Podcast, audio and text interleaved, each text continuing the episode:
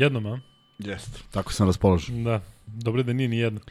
Uh, Ne bi znali ljudi da je počelo. tako je. A 70. jubilarno izdanje. To ništa. O, 70. Da, evo nas u 70. izdanju podcasta sa Kuzmom i sa Lukom koji kreće na vreme, e, noćna varijanta, nećemo trajati danas dugo kao što to inače slučaj i verovatno znate da se ništa novo nije desilo na relaciji košarkaška reprezentacija Srbije, ostatak sveta, tako da sve smo rekli prethodnih dana, ali naravno odgovarat ćemo na pitanje i pozabavit ćemo se malo tim nastavkom ćutanja. Onda ćemo naravno da prođemo ono što se desilo danas, a to je možda i mnogo zanimljivije, to su mečevi četvrt finala i ispadanje Grčke između ostalog i pozabavit ćemo se naravno mečevima sutra, odnosno dva druga četvrt finala i usput ćemo da ispucamo tri free, free beta ili dva, pa ćemo jedan da bude ipak i humanitarni zašto smo danas pukli. Ne možemo, sutra ima samo dva para, danas smo Pa šta, promašili. pa šta, dva para ćemo da ubacimo. A, šta, šta mala, je, mala je kvota. Ili jeste? A i ne pogađamo ništa. Jes. Ali dobro, smislit ćemo. U svakom slučaju, za početak uzme li imamo nešto od ovih tehnikalija da stvari, da kažemo, da se zahvalimo. Imam ja, imam ja neke zahvalnice. Ajde, pa šta Ajde. me pitaš on? Pa zašto ti možda imaš još nešto? Imam. Kome? Pa aj ti prvi. Pa možda isto. Aj ti prvi. E sad baš ne. Ne. E, hoću da se zahvalim, zahvalim Mići Beriću, zato što je bio, zato što je car, zato što je zaboravio i onda je došao ovaj, sa zakašnjenjem. Ali Miće Berić je jedan od malobrojnih koji može da priča i sme da priča najnormalnije stvari. Danas smo imali taj nastavak, e, ajde što ćuti savez, što ćuti igrači, to je nekako za igrače normalno, za savez čudno, ali očekivano. Međutim, ćute kolege, ćute košakaši, ćute treneri, vlada neki zakon uh, omerte, a ne znam zašto, razmišljao sam dosta dana zato što se kolege iz ostalih medija, neki drugari se žale da su dobili zadatak da zovu da dobiju neki odgovor od bilo koga, međutim svi su ne znam zašto oprezni, ne znam kakvi su planovi, ne znam koga se plaše, možda, možda mi nešto ne znamo, možda postoji neka babaroga koja ide i lema ljude kada kažu šta misle. A ovo je trenutak ako ništa bar da pričamo. I Miće Berić je juče došao i reke, ne, rekao neke najosnovnije stvari, rekao svoje mišljenje. Ja bih volao da ima još igrača, da ikada bude igrač u reprezentaciji Srbije koji će osvojiti to što je on osvojio sa reprezentacijom, a siguran sam da neće. Nemoj Ali- tako, nemoj budeš siguran da neće. Da neće biti svetskih i evropskih prvaka Pa možda. Želimo da bude. Sa ovakvim amerikancima i ovakvim evropskim Želimo da budemo. Želimo, pustiti Pa, šta želimo, mnogo Zato želimo. Moramo da se nadamo. ali znamo šta je Mića osvojio u doba zaista lude košarke. Nema veze. U svakom slučaju Mića je ispod car i hvala mu na tome. Malo je ovo sve poremetilo našu koncepciju gde smo mislili da dovodimo ljude neke koji će pričati o e, aktualnim dešavanjima, odnosno Srbije na Europskom prvenstvu, to se ne dešava. E, I druga stvar, hteo bih da se zahvalim zaista momcima koji rade ove e, mimove, koji meni šalju, ja nemam, da, nemamo Instagram, ja nemam Instagram, Imamo mi Luka i Kuzma Instagram, zapratite nas. E sada, vi svi koji pratite nas, bio bi red da, ako možete da zapratite i ta dva naloga, jeste tako nalog kaže? E, Luka i Kuzma, Tako kažu mladi.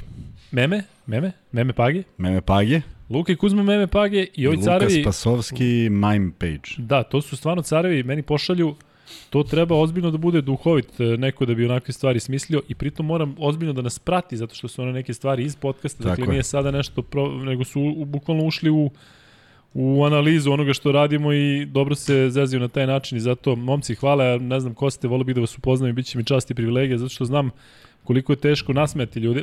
U mojim eksperimentima i projektima posle košake jedno vreme sam radio kao stand-up komičar u Bena Kibi i na, zasmejavao sam ljude, ali je bilo jako teško i morao sam da se odlučim ili da nastavim da radim to ili da nastavim da radim ovo, pa sam naravno ostao u ovome, ali um, da imate ljude ispred sebe koje morate da nasmete, su oni to platili, prosto neverovatno, a ovo, je, ovo oni rade, pritom se unesu da to sve izgleda jako lepo i zaista svaka čast. Tako da to su moje zahvalnice. Kuzma, ti sad kreni sa svojim.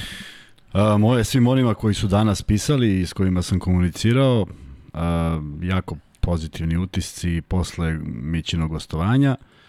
Mića vrlo jednostavno priča, to jeste cela, ceo smisao. A, ono što, što, što znao sam da neće uraditi, a ne bih ni voleo kad pozovemo nekog u goste, to je ono što čitam u pojedinim intervjuima, ništa ne valja, svi su znali, sve se znalo ranije, ovaj ovakav, ovaj onakav, nije to ništa konstruktivno, to donosi samo još više problema i nekih, iako se po kuloarima naravno priča sve i svašta, od odnosa do uh, discipline, kad su dolazili, kad su odlazili. Uh, kako bih rekao, teško je, teško je u ovo vreme kada su igrači definitivno sve i sja.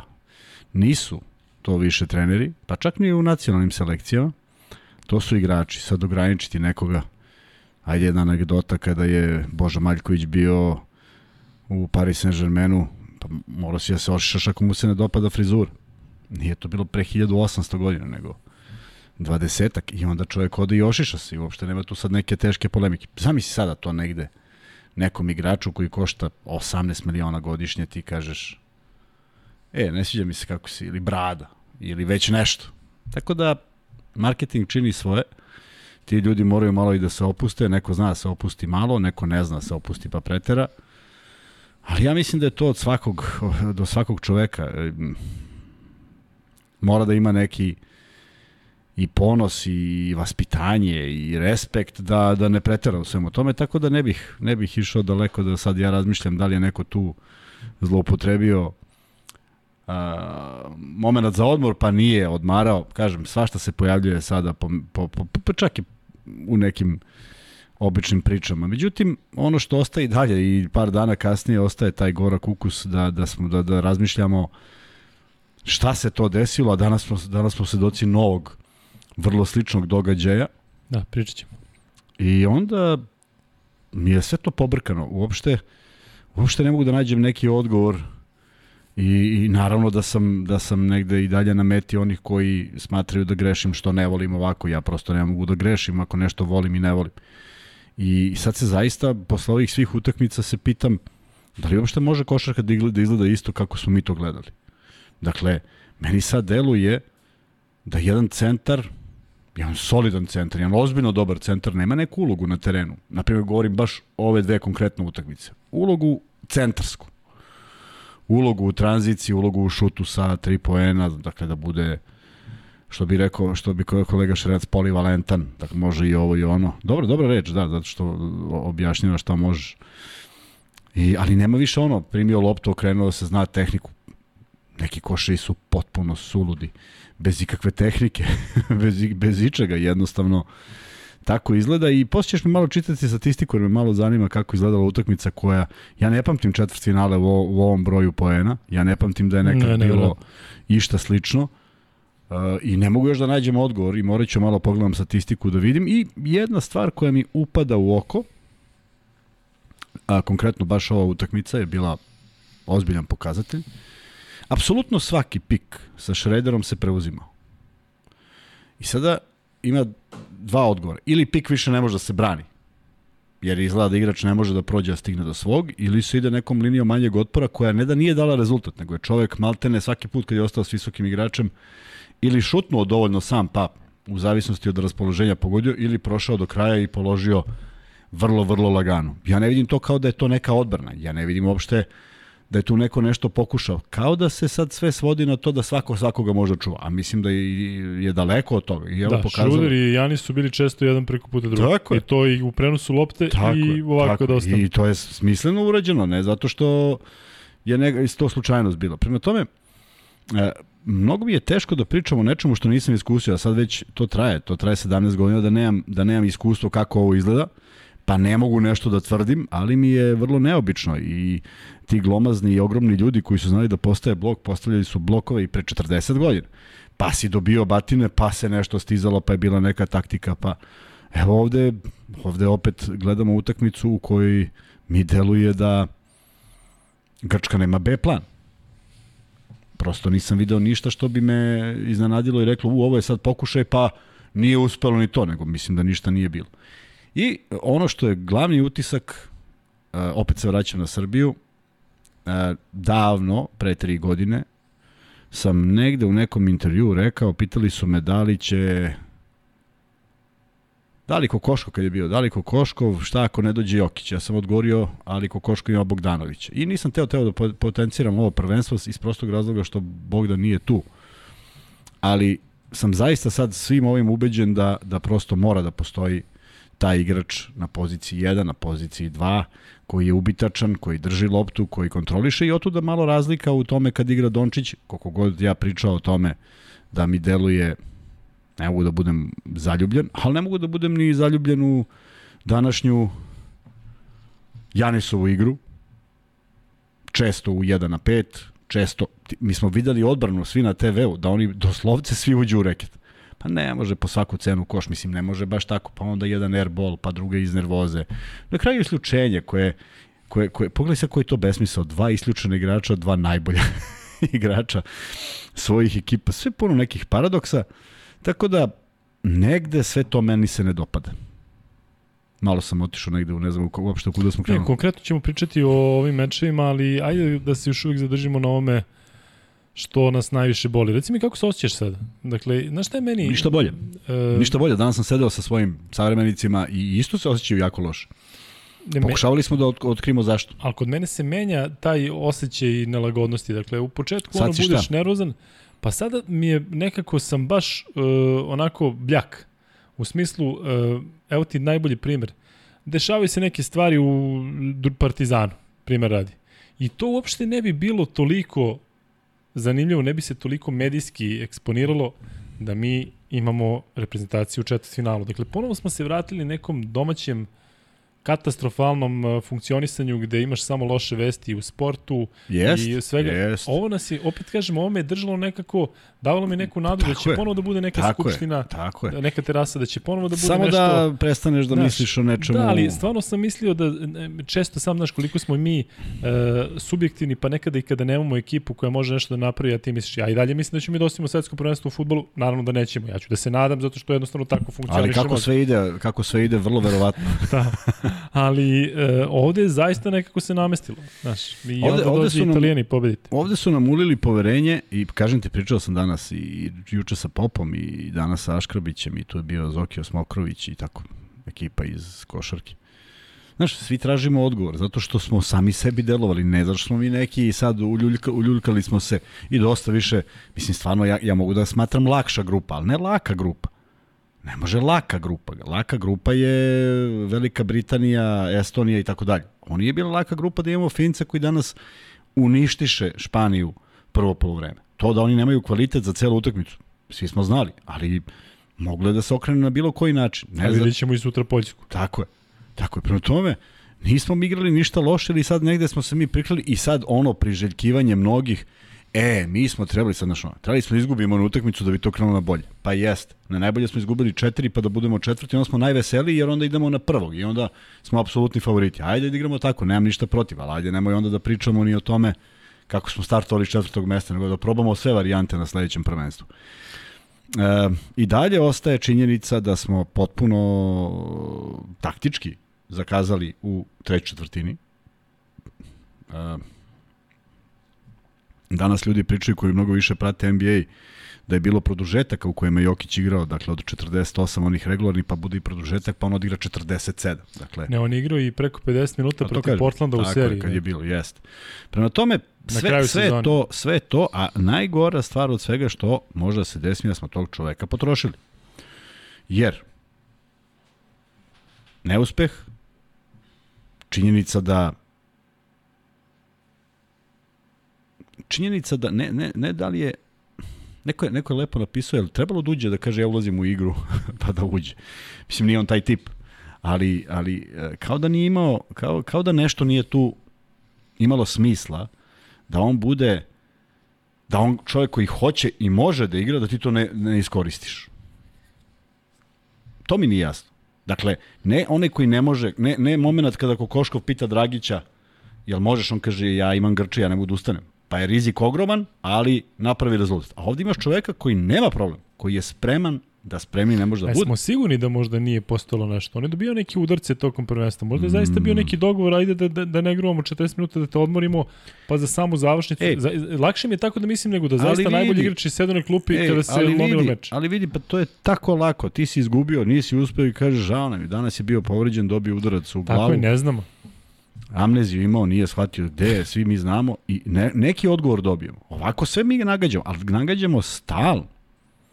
Mi nagađamo zašto ovaj nije, zašto ovaj jeste. Zašto? I zaista, negde su me ljudi danas, kaže, kako menjamo mišljenje. Uh, ja stvarno ne mogu da se setim da smo promenili mišljenje. Mislim da smo rekli da način odlaska Teja nije u redu.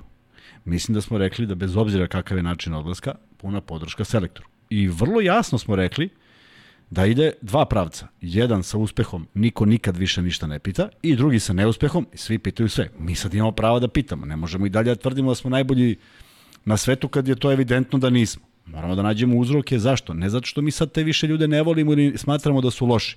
Ne. Ja uopšte ne smatram da je Pešić od prekjuče zaboravio sve ono što sam mislio da zna nakjuče. Ali nešto nije funkcionisalo i govori se samo o tome da dobiješ pravu sliku i da dobiješ nekoga ko je odgovoran za nešto. Za šta god, kogod. Mora da postoji, jer ovo, ili šta?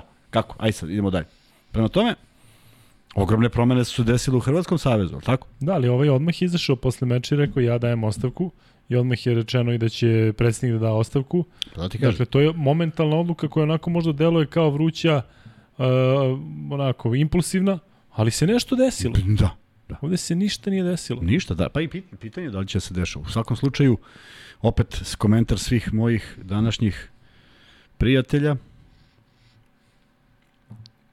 Taman da si imao na, na, na, na, na aljasci posao, moraš da dođeš u Beograd. Jer da smo osvojili prvo mesto, nikakav posao ne bi postojao nigdje, ali tako? Zato moraš. Zato što mora i kad je loše i kad je dobro. I onda Aškrbić kaže, pa kaže kad je Nemačka bila prvak u futbolu, pa sledeće godine ispala u grupi. Pa dva sata su pitali tog Joakima Leva i čovjek govorio jeste, igrali smo sve što smo se dogovorili, nisam iskoristio neke igrače, odgovornost moja. Idem sad u savez da mi kažu šta se dešava. I ostave na klupu. Nema veze, nego ću kažem nacija mirna, jer je neko čeka i neko izašao i rekao nešto. Rekao nešto i kaže ja sam odgovoran. Sad možemo kažemo ma nije, kriv je ovaj igrač. To je sve druga stvar kako ćemo mi to da doživimo. Ali to čovek izašao i prosto razbio sve one, sve one priče zašto se nije javio, zašto se jeste javio. Tako da, mi, mi stvarno kad, kad je lepo, to je prelepo, a kad nije lepo, to, to se dešava toliko nekih anomalija, da ne može ni da bude normalno ne lepo. Znaš, normalno ne lepo, svi došli, dali izjave, idemo dalje, biće sastanak, javit ćemo se za 5 dana i mi čekamo, ali tako? Imaš nekakvu informaciju. Mi kad je nelepo, to svi pobegnu, niko više ništa ne priča, svi su ljuti jedni na druge i kažem ti, isplivavaju neverovatne neke priče koje ne želim da verujem, jer ja sam dok nešto ne vidim da postoji, ja vrlo sam skeptičan po tom pitanju, ali ono što je Mića rekao, vrlo nalik onom debaklu 2005. Iako je tada bio proizvod isključivo ega 12 koji su bili, ovoga puta mi nije delovalo tako, ali neki problem je postojao.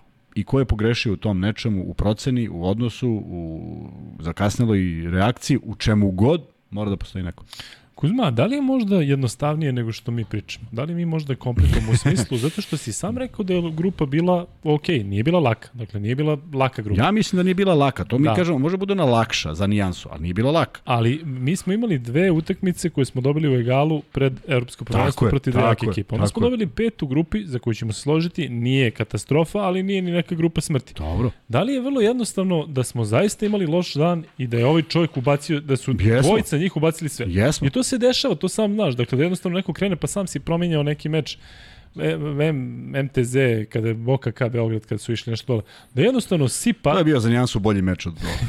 ali sve jedno. Dakle, čovjek trpa i trpa i ne može da stane i naravno da te ubije Pa malo, pa ne dobro, može da e, e, odreaguješ. vidi, vidi, sve stoji, ali, ali e, e, upravo ono, mi mislimo da su ovo 12 najboljih. Ne da mislimo, nego jesu, Jesu. 12 najboljih. Pa mora da reaguje. Mora da reaguje i Grčka danas. Jer sad ja razmišljam, ako ti shvatiš da ovaj to radi i da to nije slučajno, a imaju ozbiljno opasne šutere, nisu oni bili toliko slobodni kad smo mi odigrali protiv Nemačke. Možda je njima bio loš dan. Aj sad mi da uvek pričamo, aj pričamo da je svakome možda nekad loš dan. Pa to bi onda bilo malo bez veze. Da, ali mi smo sedam, Vidi. sedam utakmica odigli dosta dobro. Tako, pa upravo, naravno da upravo da to i kažem. Ma. Ne, ne, ne, tu pada se, kada se pada, ne pada se na 15-1. Pada se na 8-1. 8-1 shvatiš, op, ajmo vamo. Nešto moramo promenimo. Pa ćemo raširimo, pa ćemo da igramo neku izolaciju, pa ćemo nešto da igramo. A nama je ta treća četvrtina bila problematična na svakoj utakmici, s tim što si sad imao ekipu koja to zna da iskoristi. Izraelac ne može da I, i na iskoristi 3, sa... I na 3.50 kad ovaj pravi onaj cirkus, ti imaš 4 pojena razlike. To je bre kontrola utakmice jer oni nisu još preveli. 4. Znači, nije problem. Nisu prešli na plus 12 u tom trenutku. I odjednom serija koja je neobjašnjiva od 5, ja mislim 4 ili 5 trojki. E, to je problem. Dakle, nema veze sad sa danom. Igralo se prilično dobro do tog momenta. Ne sjajno, ali dobro. Sa pristojnim procentima, ništa spektakularno. I njihovi procenti postaju mnogo bolji u tom momentu, adrenalin neki proradio i kreću. Ali, kako bi ti rekao, ako mi neko da tri trojke, pa ne može i četvrtu.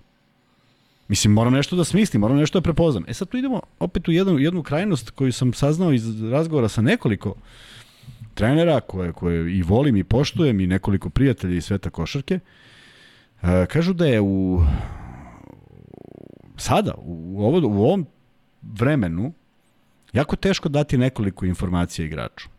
Zbog čega je to tako ne znam, ne mogu da ne mogu da pričam o tome, ali kaže jako je teško da ako sam ti dao informaciju da čuvaš čoveka da ne šutne tri, jako teško i jako redko se dešava da kad uđe onaj koji ne može da pogodi tri, ti ćeš i dalje da čuvaš kao što ti je rečeno za onog prethodnog. E, to su stvari koje su apsolutno različite i to mi deluje zaista da je tako. Jer danas smo gledali Finca koji uzima loptu Lorencu Brown, ako je neko gledao završetak prvog poluvremena. Uzeo je, jer je bio metar od njega kad god je ovaj tražio kontakt, on se odmicao. I pravio, puštao ga da prilazi košu. A Litvanci su pritiskali Lorenca Brauna u onome u čemu on uživa. Pokušali da, da mu igraju neki presing, da mu uzmu loptu. Metar od njega da su stajali, bilo bi tri puta lakše. E, o tome govorim. Kako je moguće da to niko ne vidi? Kako je moguće da čovjek od, od, od, do heroja utakmice dolazi sa 14 poena i minus 14 koš razlikom da bi postao apsolutni heroj utakmice i da mi sad nemamo šta da kažem. A daje poene koje mu neko doslovce omogućava. Ra- Igra svoju igru, a ovaj u odbrani igra isto to što mu, što mu odgovara. Nejasne neke stvari, tako da ima tu mnogo pitanja i još jedno vrlo bitno, da li će izumreti centri? Majke mi, da li će oni prestati da, da, da, da, da, da li kao 2-10 više nema nikakvu prevagu? Ne, samo će biti drugačija će uloga njihova biti. Ali ga, okej, okay, ali on, on, je samim tim što je 2-10, ako nije baš atleta, on je malo sporiji. On krene u kontru, a ti zvizneš trojku, on krene nazad. Ti taman, o, ti odbraniš, ti, on krene taman da uleti u reket, a ovaj drugi šutne trojku, znači on čovek, pa bolje, to može bude onda i od 160 čovek samo da bude brži. Ne mora bude centar, jer ne služi ničemu. Neverovatno je koliko je šuteva danas išlo sa svih pozicija, od svih igrača, ne ono kao sad imaš 5-4, Fojtman odjednom u jednom trenutku petica samo, samo bombarduje. Da on čovjek ne ulazi u reket. Ne ulazi u reket. A, a ja bih volao da ga vidim da 15 puta uđe u reket. Znači, moj čovek ga čuva tako da on ne može da pomisli da šutne. Kada on primi loptu, ja sam već blizu. I može da me obiđe. I nemam problem. Nek ide na ulaz. Da ima kako to izgleda, da ima koliko to Fojtmanu prija. E, to su ovde neke stvari koje moraju da se prilagode. Kod, pre, kod preuzimanja svako sa svakim. Pa kako se onda iznenadi kad Papa Nikolaova prođe Šreder? Šta to treba da uradi Papa Nikolao? Čak i uradi nešto najbolje pa ga isprati makar do koša, ali to je, to, to je, to je siguran koš. Mnogo pitanja na koje nemam odgovor. Uh, impresioniran sam kako su, šta su pogađali italijani, šta su pogađali, ali ja tu košarku koja se bazira na tome, nažalost ne volim, jer mi deluje da će uskoro biti isključivo to. Duge dvojke, koliko ih je bilo? Bilo je jedno 10 na ovom prvenstvu. Četiri šuta od tablu i sve ostalo je za tri pojena. A molim te, pročite mi samo da im baš me zanima koliko su štirali jedni i drugi. Zašto govoriš za? Koji meč? Ukupan šut, uh, Grčka...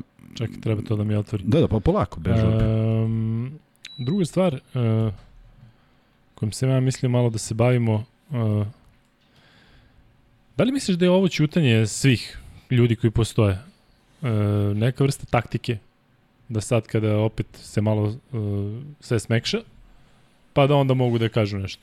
Ne znam. Mm, Ja bih voleo da postoji neka taktika. Taktika znači da postoji neka strategija. Ti sad taktiziraš zato što si nešto smislio, ali meni to tako ne deluje.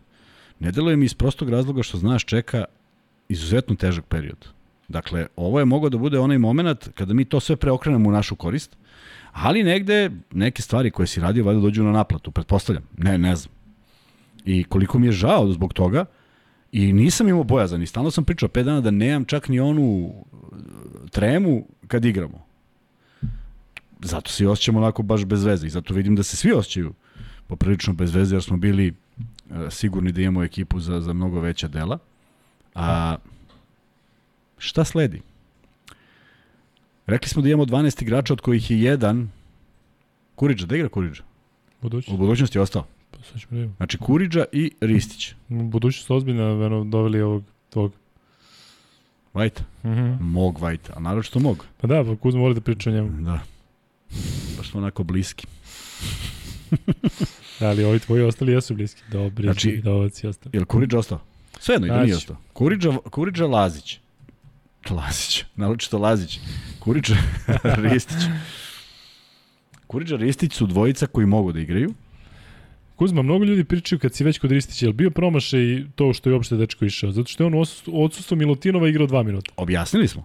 Do, išao je zato što niko nije znao da li će Milutinu da se vrati. Da, Da, ali, Milutin- ali Milutinov da se nije vratio, on bi opet igrao dva minuta. Jesmo mogli da žrtvujemo dva minuta njegovih zbog 15 minuta A, Dobrićevih. mogli smo, ali Zato što on nije imao neku Vidi, ulogu nikada. Mogli smo, mogli smo, ali smo pričali o tome da ćemo da podržimo selektora i njegove odluke. I ona ima smisla ako ti znaš da ti Milutinov nije tu. Milutinov u te dve utakmice zbog kojih je u stvari i trebalo da igra i odigrao maestralno, je li tako? Obe. Na koje obe misliš? Pa i to i Grčka i Da, da, da, da ove Turska. pre, ove pre, Ha. da. Dakle, stvarno bitan šraf. I sad ti treba ti visina, ne, ne, nećeš očigledno da rizikuješ sa Jokićem na na ovaj za 40 minuta. I ono što mi je interesantno, imali smo bar da, bar da probamo kako izgleda sa dva visoka. Samo da imamo šta će da se desi. Ne kažem da bi to bilo delotvorno, samo da imamo. Sve smo probali. Probali smo apsolutno sve petorke. Samo tu nikad nismo. Čudno. I, uh, naravno, kad ih nismo probali, shvatili smo da je jedina solucija da Milutinov igra je umesto Jokića. Ne bi bilo, ne, mo, ne može drugačije. Ni- Nijednom se nije desilo drugačije. I otvara se utakmica protiv Italije i shvatimo da ili je taktika, da malo pustimo Melija, ili Jokić ne može da stigne to što treba. Inače smo imali vrlo dugačke rotacije ovaj, s jednog kraja na drugi kraj reketa. To je za neku diskusiju, ali ja neću time da se bavim, nisam trener po vokaciji, pa neko može, neko može drugi. A, što je značilo da će isključivo umesto njega ući Milutinov. Na razigranog Melija koji ne ulazi u reket. I to se stvarno desilo. Pa možda smo mogli da žrtvujemo to, možda nam uopšte ne treba visok igrač. Apropo svega ovoga što ti pričam. Koliko je upotrebljiv Ristić u, u bilo kojoj reprezentaciji koje si gledao danas? Bez obzira što mislim da je pristojan igrač. Koliko je upotrebljiv? U kojoj? U Finskoj? U Španiji? Pa vidio si, mi ne verujemo u Gomeze, braću, ali oni lete po terenu. Laki centri koji samo trče, šutiraju, sve. Leva, desna, ula, zakucavanje, trojka, sve. Dakle, pre- previsok je da, da bi igrao, tako mi deluje. Uh, Španija, Grčka. A da Kutumbo, da, zbog svog tela. A u Nemačkoj ko? Ko odgovara tome? Toj visini? Niko. Vojtman ne igra centra. Igra zato što je visok i širi, ali ne igra centra. Dakle, očigledno da, da to, to ide u tom smeru. I molim te, reci statistiku. Ako si našao broj, ove, šutnute lopte. Ma je, nije blizu. Nisam ni Ovo je blizu. Fibin sajt dok otvori, znači Da, da, oni, problem to je najkomplikovaniji komplikovaniji sajt, valjda da ti utuži da ne gledaš nikad ništa šta objavlja. Znaš šta je kad tokom prenosa kad ti zabode, pa ti sad pričaš 3 od 7 ima, ono je zabolo u drugoj četvrtini, ovaj već na 16 od 19. Ali ovaj, doćemo do toga. I da, da se razumemo, spektakularna utakmica, znači sa onog aspekta uzbuđenja košarkaškog i naravno za neke mlađu populaciju koju, koji nisu dobacili do, do onih utakmica 90-ih, tačnije mnogo su mlađi od toga, naravno da ovo izgleda spektakularno i nemam ništa protiv i tu ne možemo da diskutujemo. Ja, Za Nemce mi treba, za Nemce mi treba odnos dvojke i trojke i ukupan šut.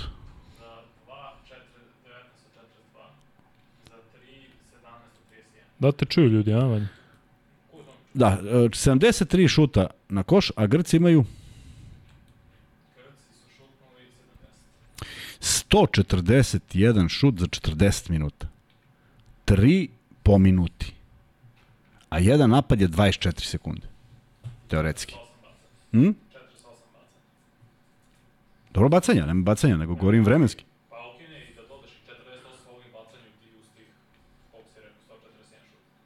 Da, ali, ali to je bio faul. Da, ok, pa do, moglo bude i faul, nema veze. Znači, upućenih lopti na koš koji nisu iz, iz ovog. 140, čoveče. 143. 143 za 40 minuta. Imaš 20 minuta igre svoje i ti šutneš 73 puta. Ali to prolazi. Ne, ne, zašto bi, čekaj, evo sad, A ne, ne, ne, ovako, ne, Nemac igra tako. I njegova igra, ko što, ko što si ti pričaš, znaš, igramo svoju igru. Slažem se. Nemac je danas igrao svoju igru. I Grk je igrao svoju igru, samo nije prošlo. Ja mislim da Grk ne igrao svoju igru. Ja mislim da je Grk igrao nemačku igru. Ja mislim da je Grk baš zbog Adeto- Adetokumba igrao igru da bi bilo brže, jer ovaj u tome bolje snalazi. Ali da li im je to bilo zgodno večeras? Mislim da nije. Ne, ali ja mislim da bi Grk igrao na Detokumba da je protivnik e, partizanski put Šarenčev ili Golden State Warriors protiv kojih igra. Dobro. Dakle, išao bi na Detokumba u svakom slučaju. Slažem se, E sad, ali- ali, što su njega zatvorili u nekim trenucima, to je drugo. Ali, ali nema možda- opciju B da promeni. Ali možda je moglo i, i sporijim intenzitetom da se igra. Jer ovo Nemcima dalo krila, Grcima nije. Ovo je Nemcima otvaralo i tekako prostor za šutiranje koje je bilo savršeno večeras. Koliko si rekao trojke? Ja imam sad, ja manje, 31, da se ne smaraš zbog 19. toga što ovaj, 31-19. 17 od 31, trojka Nemaca. Pritom su bili na 7 od 9 ili 7 Da, od da, da, 10 da, u da, jednom da. trenutku. E, I pa eto, to je to što ti sad pričaš o centrima, to je možda sada, evo ovde, ovde svako može da šutne trojku. Zašto bi taj, evo, evo pitanje iz ugla Johanesa Vojtmana. Zašto bi on ulazio u reket i sad ulazi u tri kontakta i da ga neko dočeka Ne, na ovo, kažem- da možda uzme bacanje, kad možda kažem trojku ja- sa svojih 2.15 i Ma ne kažem ja on da ovo uopšte treba da uđe u reket. Ti treba da ga nateraš da uđe u reket. To je ono što, što izostaje. Taktika protiv nečega ko, što izgleda tako. I kad, kad imaš taktiku, pro- ili, ili ne postoji taktika. Ja duboko verujem da za, za nešto postoji odgovor. Mora. Ne može neko smisli nešto za što nema odgovor. A, Ali Jokić je recimo najbolji igrač na svetu i najkompletniji igrač na svetu baš zato što na sve ono što ima leđno, u reketu sve ima i taj šut koji da jeste, pogodi sa je- jedne noge. Tako? Apsolutno. I zašto bi onda sad on nešto forsirao možda i previše unutra kad može uvek da igra svojim Pa uvećanjem, zato što, dva zato što dva da uvek- naprotiv, zato što naprotiv, njegova, njegova, njegov kvalitet igre se vidi u tome da nije opaljivo mnogo trojke. Jednu, dve, Da, ovde nije, ali, ali je po, pogađao. Znaš da imao nekoliko utakmica jedan od se da jedan. je pogađao, ali to nije njegova igra. Njegova igra je da, da malo natera i onda te on sa tih 2-2 šutnutih trojki natera da izađeš iz reketa, a ne da ga čekaš dole. Ali kažem, mora da postoji lek, mora postoji taktika koja ovo može da zaustavi, izostala je, pre, zbog toga su izgubili Grci, mislili su da mogu da trče sa Nemcima, mislili su da imaju dovoljno kvaliteta. Ja stvarno sam onako, uh, gledajući sve utakmice, Kalates, čovjek ne postoji ni u jednom segmentu igre, što je meni, kako bi ti rekao, neverovatno, jedan od najboljih playmakera Euroligi. On nije uradio dve smislene stvari. Neverovatno. Ne, neprepoznatljiv. Papajanis, kako ti se dopala njegova igra? Pa nije on nešto ispadao mnogo iz Iz- svog. Njemu bacio one lopte, on sa onim ručedama hvata, U tim što napadu. mu iz nisu odbrane, bacili. da, a, a iz, ništa. da, Da. o, iz odbrane visi jer, jer je sve, Jeste, sve preuzime. Jeste, jeste. On kad ostane sa šuderom, ne Upravo to, dobro. upravo to. Dakle, dakle sve je bilo, nije, ta- taktički, a sad, aj pričamo i Tudis nije znao taktiku, pa i to je sad nerealno. Ali nešto izostaje. I taj broj poena, ja sam negde prestao i da gledam na 96, kad je bila namerna tehnička, namerna greška. Ne Janisova, ono. Aha. Kako to objašnjaš? Dakle, čovjek koji bi trebalo da je najbolji na svetu, najdominantniji na svetu, da nema... Moj drugar jedan ima jako jedno primitivno objašnjenje, ali ja recimo ne umem da, ne umem da objasnim na drugi način. Ja bih volio da ja sad njemu kažem, pa nije to zato, nego je zašto. Zašto je isključen Šuder, zašto je isključen Janis? Ali ja ne znam da, da objasnim zašto dva najbolja igrača nemaju koncentraciju da završe utakmicu. Zato što je Janis e, napravio onu nameru koja je bila toliko očigledna. Ne kažem da su Grci mogli da stignu. Ali Šuder onda da pravi onaj show neki, da, da, Da, da sebi, da. kada već je u suštini gotovo, um, nisam siguran. Ali, um, vidi, ja ću ti reći ovako. Dakle, ja sam moju igru u neko ranije vreme bazirao, ne bazirao, nego ja sam najviše volio da šutnem za tri, volio sam da zakucam. Koliko god to tebi delovalo drugačije od onoga što si ti radio. Ali čak sam imao utakmice gde sam bukvalno samo zakucavao i davao trojke. I meni se to dopadalo. Ali danas vidim da, da, da to apsolutno svi rade. I kažem ti, čak i meni, koji volim tu bržu igru, ko- bržu vrstu košake, brži način košake. I meni čak smeta što ti na evropskom prvenstvu, ajde ti me isprati ako grešim, da li imaš jednu ekipu koja je defanzivno bila jaka? Da ti se kažeš igramo, igramo protiv ovih igramo tvrde. Ne. Da li postoji jedna ekipa koja kažeš Ne. stvarno imaš sada Ne. igraju šta, šta je tu problem? Ne znam. Ne znam, nemam Francuzi odgovor. su možda defanzivni samo zato što imaju Gobera, imaju nešto, znaš, brži su, pa imaju one like ručede, pa kao, uglavnom će biti mali broj pojena, ali Ali, jel shvataš ti, evo sad mi je, sad mi je samo da vidim ko. Dejan Kukić. Poslao je 560 sličica statistike da nam olakša svaka mu čast i hvala mu. Jel ti znaš da Nemci imaju 16 asistencija? 16! 16 puta je neko nekom dodao. od toga šuder tipa, mislim 8 ili 9.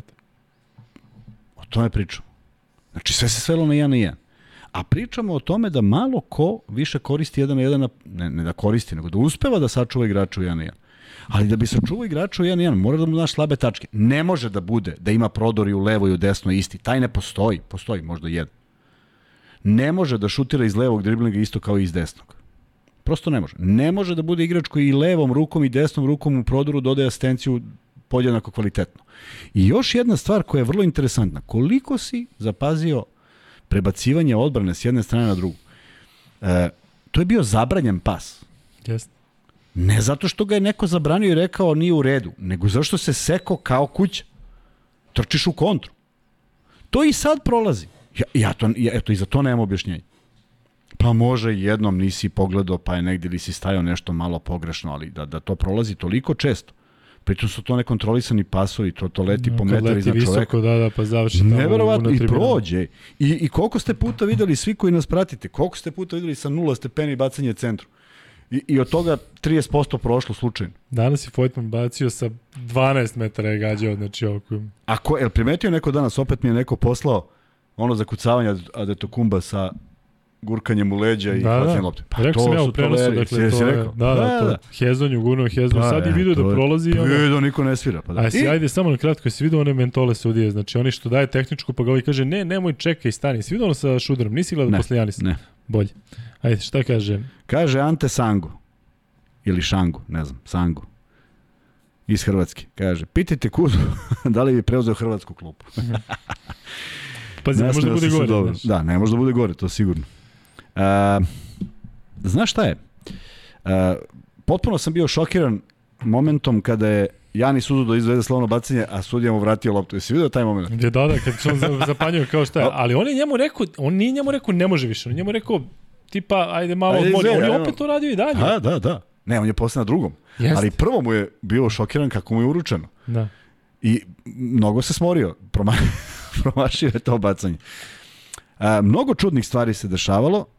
Ovaj, tako da će ovo po tome ostati upamćeno prvenstvo svakako.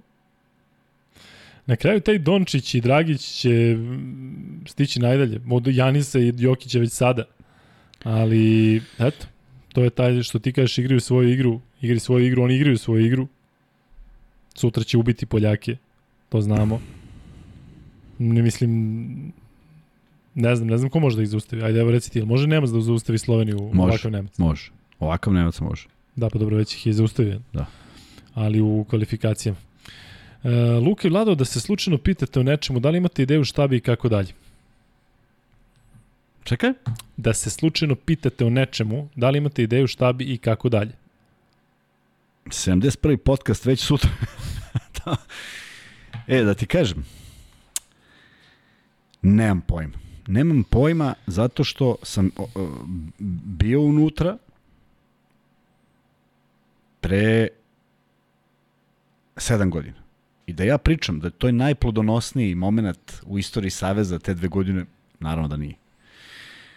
Nikada nisam pričao ni o jednom prethodniku ko je bio pre mene na toj poziciji, zašto mislim da su to ljudi prvo iz sporta, drugo, znao sam ih lično, znam ih kao čestite ljude, dakle nikad nisam polazio da je neko nešto namerno radio.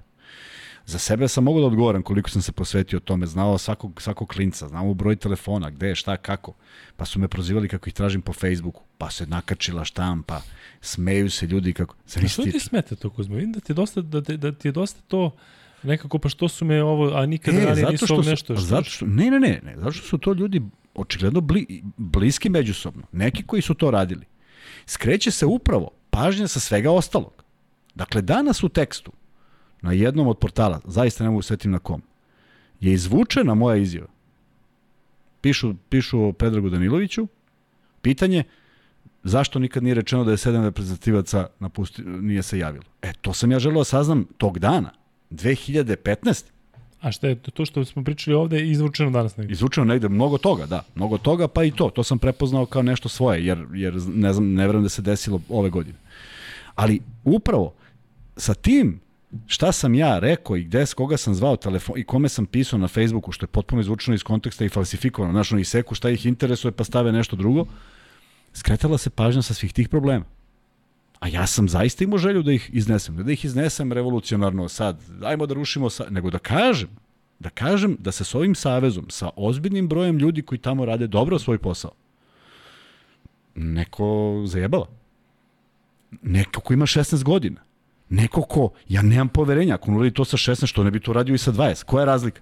Šta kao, postaće bolji? Pa nije, ti ga učiš da on bude takav, da nema tu pripadnost potpuna, potpuna sad odlazak pripadnost. Pa jesi vidio skok na glavu Fernandeza? Pa to je kraj.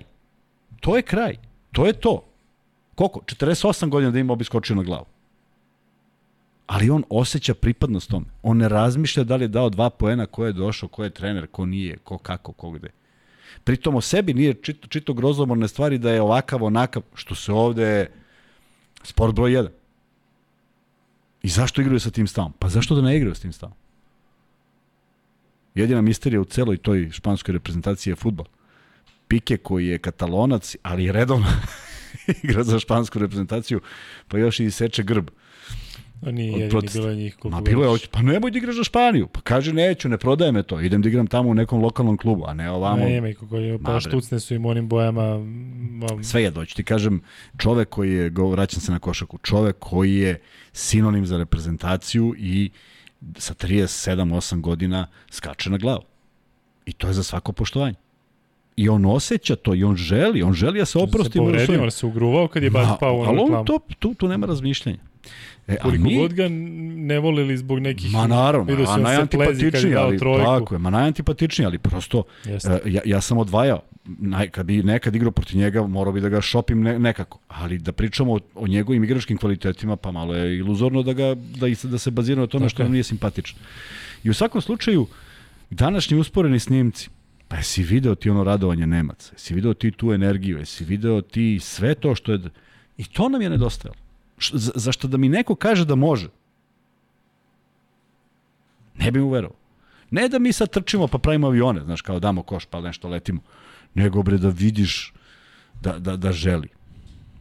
I naravno da ne, tvrd, da tvrd, ne mogu da tvrdim da nisu želi, daleko od toga, ali to nešto je nedostajalo. To nešto što su italijani dobili izlaskom po ceka. I to od igrača koji su znali da pokažu i tekako ta neka osjećanja na terenu mesec dana ranije. Tako Evo dajem primer Kalinić. Kalinić Tako je i tekako znao ovde i da Jest. udari i da se na sudiju zaleti i Sve. da se plezi, odnosno da odgovara pleženjem. A sad ništa. Da odgovorim ja sad moj deo na ovo, da li imam neku ideju, može? Pa ajde ako imaš. Ovako, ja sam prilično skeptičan da nešto može da se pro, promeni na bolje baš zbog Kuzme. Zato što e, postali smo jako bliski kroz ovaj podcast i e, shvatio sam zaista da glupo je pričati da li poznaje košaku. Shvatio sam da ima najbolju moguću nameru i shvatio sam da je vredan. I u toj kombinaciji Daj kadar, na, daj kadar nije, na mene. Da. U toj kombinaciji, ako on nije uspeo da provuče nešto, odnosno da napravi nešto i ako je otišao na način na koji je otišao, A znam ga da je, znam da je bunđio u smislu kada vide nešto nije dobro, znam da će reći na jedan ili na drugi način. Zaista mislim da ima dobre stavove. Je sad, da li postoji neko ko košarku poznaje bolje od njega na planeti Zemlji? Verovatno poznaje. Ali što se tiče ovih nekih e, detalja, što se tiče nekih e, tako tih stvari, da bude inovativan, da pokuša da nešto promeni, zaista mislim da, da, da je malo ljudi koji tako mogu da odreaguju. Zato što govorim iz, iz našeg iskustva, privatno kada on meni nešto kaže, e, znaš, ajde da vidimo ovo, ili kad mi kaže, e, pa uopšte ne treba tako, dakle, još uvek ja čak i učimo njega. Ako on je možda, mogao da, da, da, da barem implementuje nešto svoje tamo, što će to stajati dan danas, eto, da rekao si taj kamp u Koloradu, pa je to samo u stvari bila jednokratna jednokratna varijanta. Ja i dalje čujem, ono, sad digresija, i dalje čujem da se priča o Johnu Končaru. A čovjek ovde je rekao da je zvao i da ne može da se nađe. Dakle, ovde dalje ljudi Da, se da, nema, da. Končara, Zašto ne? znači- Nema, ne postoji. Ali eto to, da si ti kontaktirao s njegovim očuhom, je ta vrsta posvećenosti, ajde stvarno tog dečka Tako, da gledamo, daj da vidimo, samo da vidimo je. kako je moguće da mi to Tako je, tako je. uklopimo. Tako je. Da, jedina, obzira na sve. Tako je, jedina je želja da mi kao, kao nacija dobijemo još jednog košarkaša.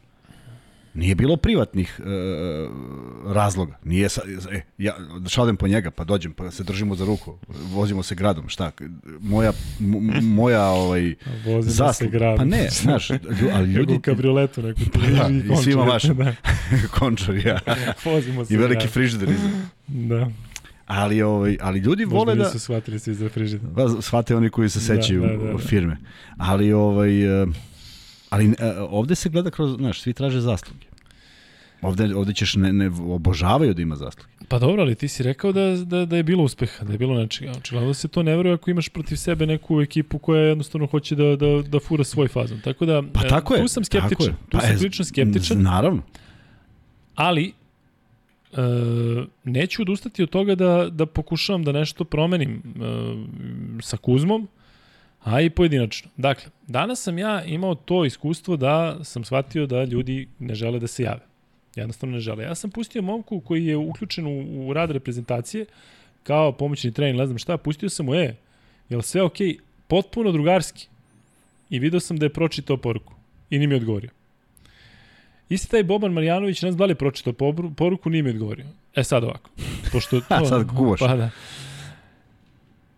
Pošto to očigledno tako ne funkcioniše, a sad kažem, vi ne morate da respektujete meni da kažeš pa ko si ti, možemo da pričamo o tome koliko je nečija karijera veća od moje, ali stvarno u košaci sam od početka pa do kraja svog života, govorim od početka života, kada u trećem razredu sam počeo da treniram. Ne postoji jedna godina i posle treniranja i posle igranja ne postoji da nisam bio u košaci.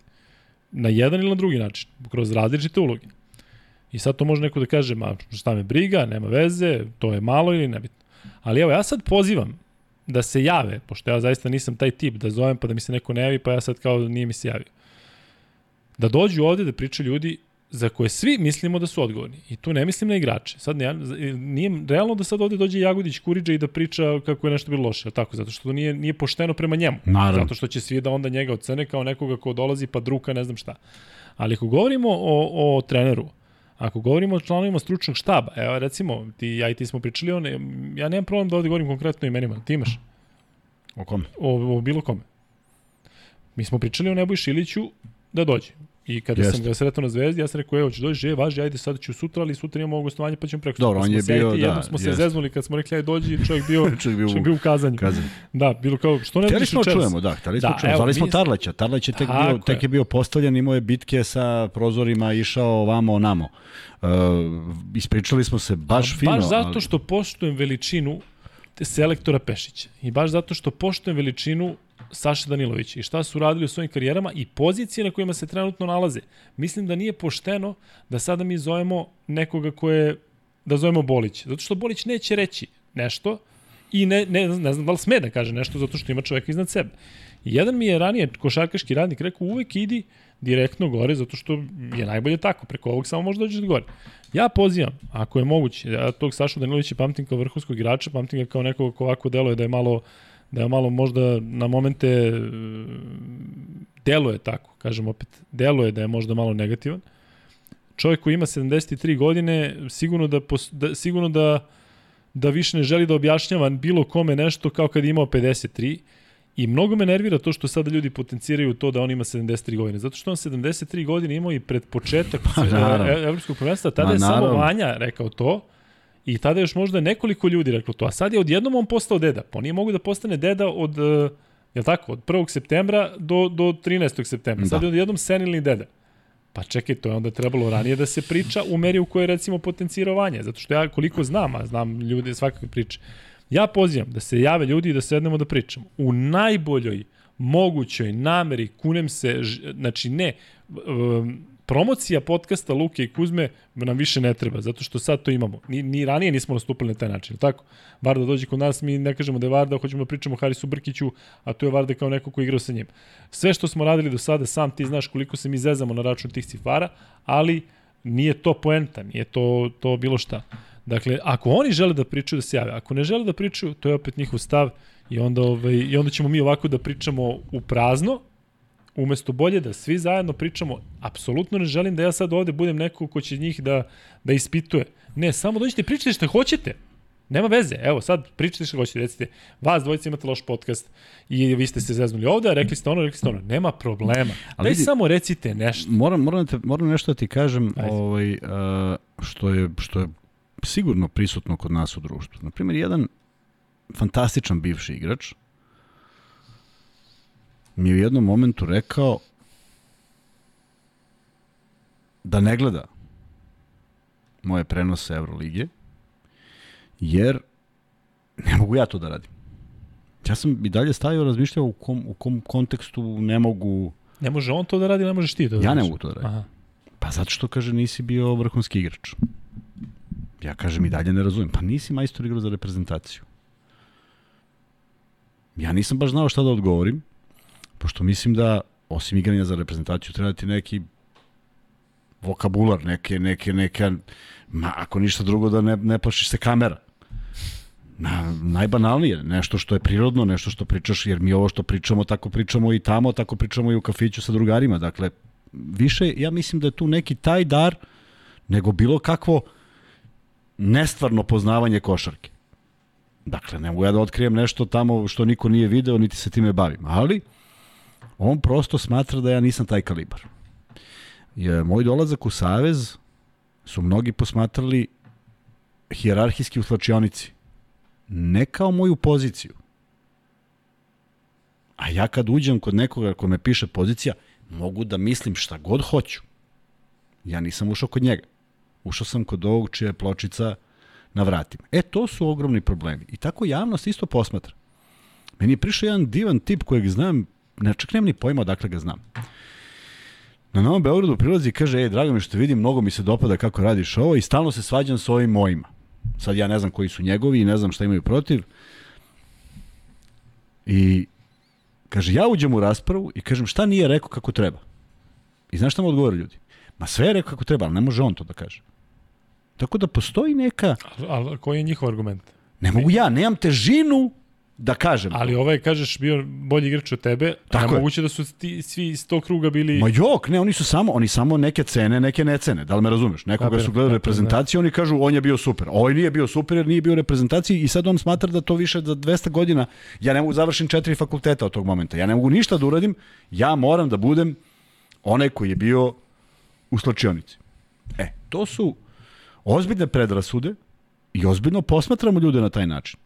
Jer mi kad pričamo o bivšem fantastičnom igraču, jer mi stvarno mislimo da on može da radi baš svaki posao na svetu? Pa ne može. Samo zašto je bio igrač. Ne mora znači da je Bogom dam za nešto drugo. E, a ja sam to osetio na taj način i mislim da je između ostalog i to bilo neka otežavajuća okolnost mog pojavljivanja tamo, jer su se i dalje merili ko je ko u razmerama slačionice, koja je iza nas bila po 15 godina. Što nema nikakav smisla. Upravo to, mogu sam da se edukujem šta, sam, šta god hoćeš, mogu sam da uradim od kad sam prestao da igram u 17 godina, ali ne bi promenilo odnos kakav imaju. Dakle, ako bi sad trebalo da se ponese nešto iz Saveza, verovatno ja nosim lopte, znaš, neće niko da ih uzme, nego pada na nekoga ko hijerarhijski Ali čekaj, ustoji. šta recimo primer e, ovih što su e, bili potencijalno vrhunski košarkaši pa nisu napravili zbog povreda? Kakav je njegov status? Taj recimo kad je bio recimo šekularac u, u slačionici bio glavni baja, tako? I jednostavno nije napravio karijeru. Nije napravio jel, jel, se sad, jel se sad on računa kao vrhunski car koji je ne, bio... Da? Ne, tek on, tek on. Znaš šta kako njega gledaju tako. kao čoveka koji je proćer do svoju karijeru. I ni to ne važi. I on sad može dođe i kaže da, da otkrije najveću istinu univerzuma. Nema neke veze. Ali čekaj sad, evo, ovo mi je interesantno. Evo daću svoj primjer. Ja sam napravio dosta stranja u životu, inače kada sam otišao u Ameriku kao neko ko je trebao... Inače, trebalo da odem i da idem na draft i da idem. A recimo, neki koji nisu bili na draftu, šta oni? Ili šta recimo Nikola Jokić, koji je već igrač od svih tih, je tako? Najbolji je u NBA ligi. Jel može onda on da dođe da kaže ti, Što vodiš to? On kad bi došao... Jebi se u dupe da se izvini. Nemoj sad tako. Pa ček, ne, ne, ali izvini. Nemoj tako odmah. Neću, ali, ali samo, jel čekaj, jel ima Nikola Jokić? Da li gledaju tako Jokića? Ko? ti koji gledaju da, je da su bili vrhunski igrači, a ti nisi vrhunski igrač. Pošto Jokić bolji od svih koja, koji, koji postoje na planeti Zemlji. A, mnogi, mnogi smatraju da su i dalje bolji. Da su bolji? Mm -hmm. Od da, do ovog dvostruga MVP-a koji, koji vrti ceo, celo košarkaški... E pa onda je problem u njima. Pa jeste, ali sad ti govorimo o javnosti.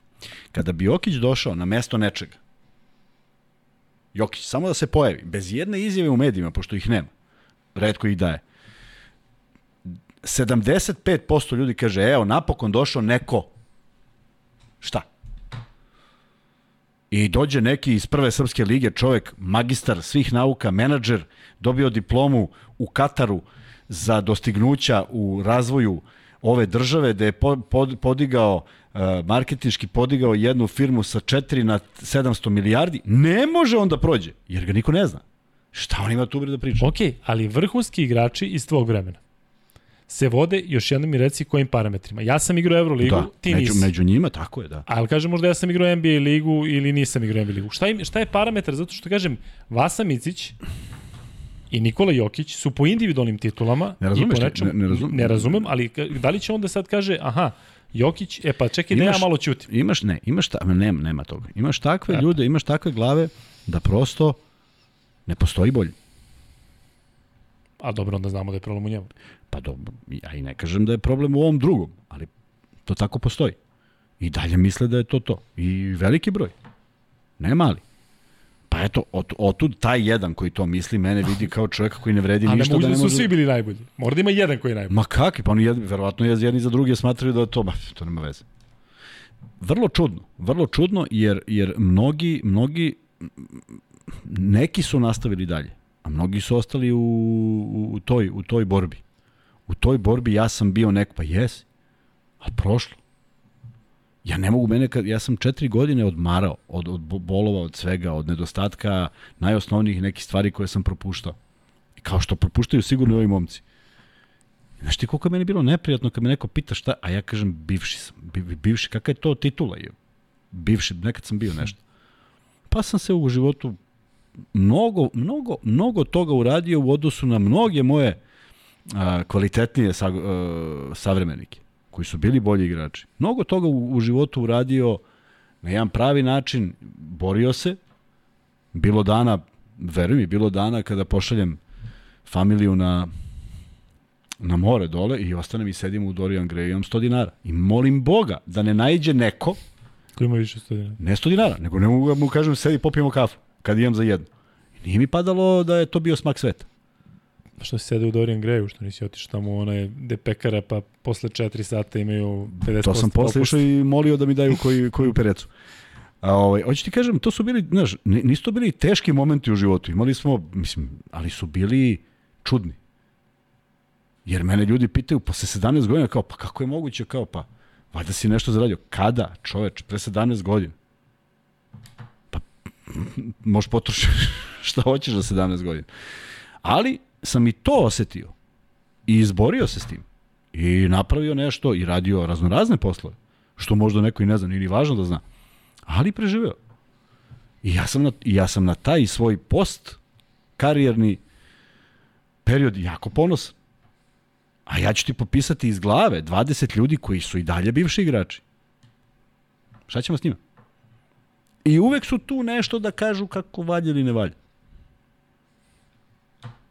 Ali tako je. A znaš koji su to ljudi? Uh, onda kada dođe Novak Đoković, koji je apsolutno broj jedan svega, e onda on hađe, hađe.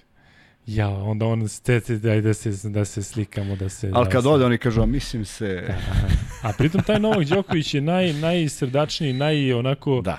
Bukvalno najprirodniji od svega. E, to je veličina njega. Pa jeste, on najbolji pa ikada. Pa Sada može neko da kaže da je Feder Nadal, verovatno, evo, evo njih trojicu najbolji ikada. Vidi, moraš, moraš, moraš u životu da si dobar sam sa sobom. Moraš se osjećaš dobro u svojoj koži. I ja se zaista osjećam dobro u svojoj koži. Na sve što sam uradio. I ne mogu da kažem, ja bilo bi krajnje bezobrazno reći bez ičije pomoći. Bilo je tu puno ljudi koji su prepoznali nešto. A, nikad nisam dobio pomoć koju nisam zaslužio. Nikad nisam dobio preteranu pomoć, ali samo taj mali moment podrške. A onda su me izbacili moji saigrači. Nisam mogao bez njih. I ja mislim da smo svi mi koji smo pravili rasli jedan uz drugog. I, i, i u koji god klub sam došao, želeo sam da budem još bolji. I u budućnosti, koja je najjači tim novim, novim prostorima unazad, aj sad ne mu pričam baš od ovih dana, ali sigurno jedan dugi period najjači tim. Pa to je bilo, to te teralo da budeš bolje. Ali nije sve. Neki su, neki su bivali gori. Tako da, uh, imamo, imamo odnose u košarci koji nisu izdignuti na nivo onoga što one tablice predstavljaju. Nego on će meni da kaže. To je, to je sad najvažnije. A nije ne govoriti, govoriti neko ko je... Da, ali vidi ovde, ček, u ovoj konkretno sada situaciji koja se dešava, uopšte ne, ne nastupam ja sa tom varijantom, ja ću tebi sada da kažem, ili ja ću tebi da pitam. Ne, dođi ti pričaj. Ti pričaj, ja ću dođem i da najavim. Da ne da misliš kažem, da je bilo prostora da, da se to desi već do sada Ne ali gde, ali Kuzma, stvarno, bez, bez pa, bilo kakvog uzdizanja našta, pa neće da ode negde gde, gde pa zna da neko ne može da ma priča. Ne, ma kako ne, nema šta da ode da priča. Hoće nešto da kaže, mi smo peti na svetskom prvenstvu, Sale doživljava to kao neuspeh, nacija doživljava to kao neki neuspeh, ja ga ne vidim, meni je neuspeh jer je bilo da je četiri mesta išlo na olimpijadu, a ne zato što smo mi peti. Stice okolnosti. A moglo je i to peto da ide i odjednom je peto uspeh, je tako? E, i onda on iz nekih moralnih razloga i pritom najave da, da bi želeo da ovaj, prekine ciklus, pa bio je moment da neko izađe i kaže, ej ljudi, to što smo peti, ali sad planje, babara, babara, babara, babara. Sad nas čekaju prozori, a u prozorima mi tačno znamo šta radimo. Znamo na koga računamo, popisali smo 28 igrača na koje računamo, nećemo zvati ove, ali zovemo ove, ovi su, ej, ti čuješ na televiziji tri meseca ranije da, da računaju od tebe, pa ti si bre, ti se namećeš a ne kao 7 dana da ima ko je slobodan. To su strategije koje, koje izostaju. A izostaju zato što očigledno nema kapaciteta za to. Da, ajde imam sad jedno pitanje koje je možda povezano sa tim, a, a možda nije, a i prilično je teško za tebe. Da li misliš da Savez treba da vodi bivši košarkaš ili neko ko je menadžer sposoban, koji nije, ko nije konkretno iz košarke? Šta je bolje? Zato što je to konstantno pitanje i za vođenje klubova. Da li treba dođe bivši igrač koji je sad... Ja, ja sam duboko ubeđen da na, na čelu svake takve institucije mora da bude neko ko je e, sposoban za management, za marketing. Dakle, kako se on zove? Naprimjer, ja, kada bi bio neko ko nema tih afiniteta i mogućnosti i kvaliteta, pa ja bi pitao koliko košta najskuplji taj neki.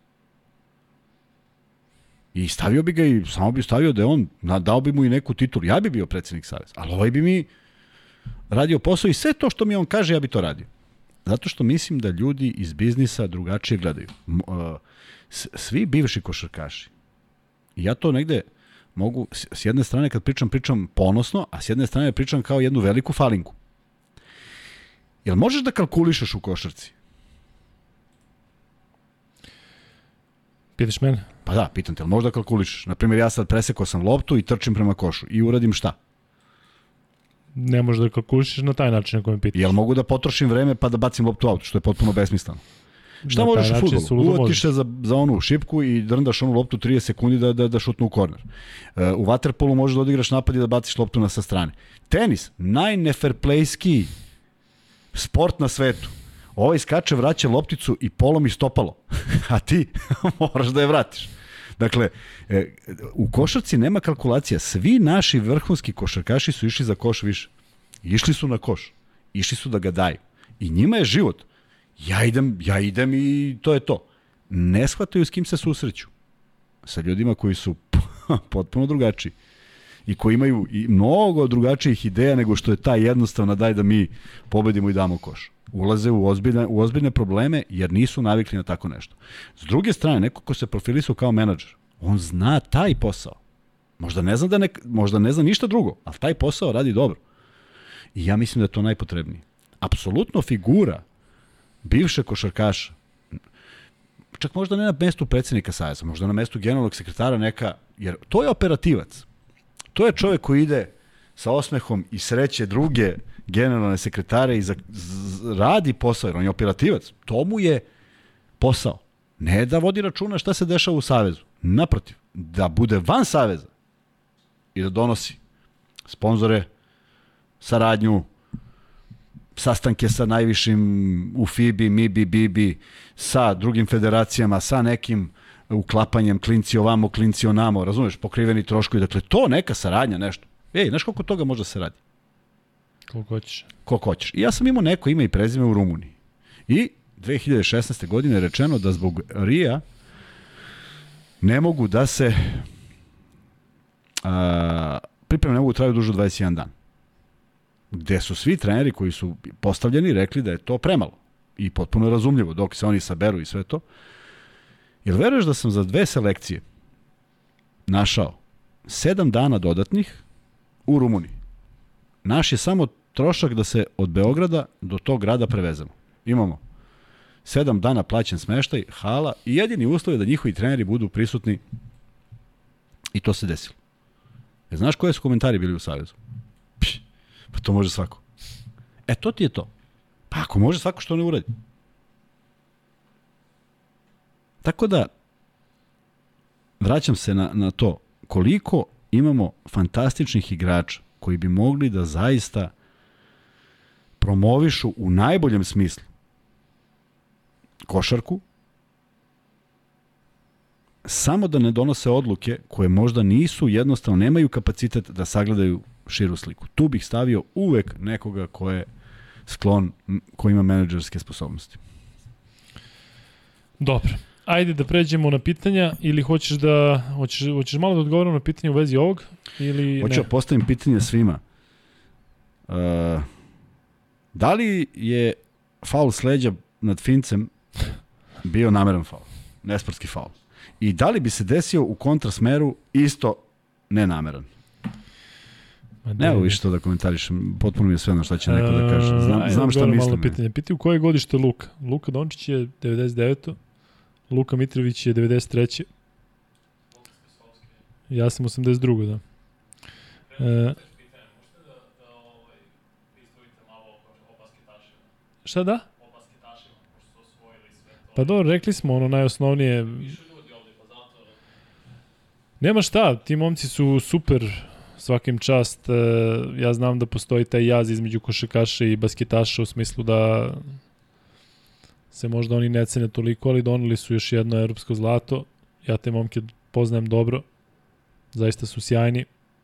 Mislim da rade dobru stvar, svakim čast kako su izdržali onaj period gde su ipak e, ostali bez tog buluta, tu je bilo i nekih problema, koliko znam i sa Savezom, u svakom slučaju oni se bore sa vetrenjačama i tim pre je uspeh veći. Znam da ta ekipa koja koja sada predvodi UB, odnosno vodi igre za UB, a igra i za reprezentaciju plus Vasić, znam da su momci sa najboljim namerama, znam da su fantastični ovako kao basketaši. Ima tu nekih, recimo, stvari koje, koje bih ja mogao da im zamerim i privatno i ovako.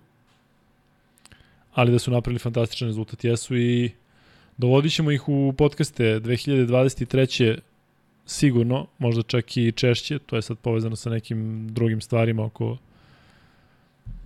oko nekih sponzorstava, nebito, ali e, žao mi što su malo pali u drugi plan, zato što apsolutno niko nije, niko nije se bavio time koliko bi se bavio da, da recimo nije u centru pažnje sve ovo što se dešava sa, sa reprezentacijom Srbije u košaci. Tako da pozdrav za njih, kažem, dobri momci, sjajni momci, često klopam u Durmitoru, ovaj, što mi je nevjerovatno. Ma, duga priča, ali, ali odlični su i kažem, samo malo da, da ne polete i oni previše, zato što mi je dalo u jednom trenutku da, da neki od njih e, koriste to što su uradili, da možda promene stav u odnosu na period kada nisu bili toliko veliki, pa pa su se malo izmenili, daj Bože da grešim. O, da, ali to je tako, znaš, redko ko ostane na zemlji i mnogo njih se promeni i primeti što, ali to je nekako možda i razumljivo, znaš. E, naročito što, što ima e, nekolicina njih koji su stvarno pokušali sve, ne bili uspeli u košarci, tu se nekih hiljadu stvari isprečilo, desilo, zaustavilo u nekom daljem i onda je to sada neki M ventil, M želiš da dokažeš, M kad dokažeš ipak, ipak si, znaš, postigao nešto što su mnogi sumnjali. Vrlo, vrlo verovatno da tako imaju tu neku emociju i meni je ona potpuno jasna. I jedino, ja zaista od prvog dana kad sam ovaj, kad sam upoznao Bulut, to, to je neki slučajan susret u Mađarskoj, gde on meni prišao i rekao je, od uvek sam, gledao sam BFC i baš sam te pratio i teo sam da budem tako nešto. Meni od prvog dana bio simpatičan i kad sam vidio šta radi, meni je to bilo fenomenalno. Jedino što samo, što si rekao, svi smo alergični, samo da ne brkamo dva sporta i nemam nikakav problem. Zašto to jesu da. dva sporta i fizička sprema njihova. Ja ne znam koji bi košarka što izveo, da se razumem. A jasne, s druge jasne, strane, jasne. ne znam kako bi neko od njih reagovao kad bi došla pomoć sa strane. I to je vrlo prosto. I samo ostati u svojim i ne pričati. Kao što ja ne volim da pričam da bi ja sad izašao sa još dvojicom pa mi istamburali neke basketaše. Ne bi sigurno, ne bi znali odakle, mi bi vrtali glavom. Ne bi znali pravila. Pa ne bi znali da. pravila. Prema tome, znaš, nema veze, se, ovi cepaju ovo, ovi igraju ovo i svi su srećni. Da, nas je Bulut iznenadio i mi smo bili prilično onako e, grubi, ne grubi, nego jednostavno smo ni podaštavali njega kada je došao na Red Bull King of the Rock turnir koji se igrao 1 na 1. I sad mi smo svi tu bili iz Beograda. Ja se srećem da me izbacio u četvrtfinalu Strahinja Mićović, koji sada igra, mislim, u da, baru. da, aha. Strahinja ili gde? Bio je u baru. E, da, Strahinja je mnogo dobro dečko. Posle, posle smo šutili neke trojke i tu je bio je isto neki egal i on pokazao nevjerovatan respekt sa momak i prva liga.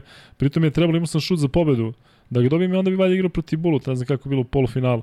I onda jednom kao došao neš, neki manji dečkić onako sa niskim stavom, i ovaj i pobedi i onda smo bili u fazonu pa to se tako kao desilo međutim on je Da, da, napravio. Radio, radio. I to radio koliko, koliko hoćeš. Ako nešto ovaj, znam, to je da je krva bio njegov tako put je, u smislu I to je za svako poštovanje. Apsolutno. To nije trajalo... On otišao u Ameriku i tamo da, isto radi a, isto. E, ali to, to neko, znaš, neko kaže bulut, pa to kao, ej, niko nema da. predstavu koliko je godina Jeste. prošlo i trebalo se graditi. To. A pritom ne znaju koliko ovi momci treniraju, ne znaju da, koliko da, su da, posvećeni. Da, da, I srećem sada imaju tu organizaciju koja je takva da zaista nisu poletili za lovom i da zaista funkcionišu onako kao jedna celina.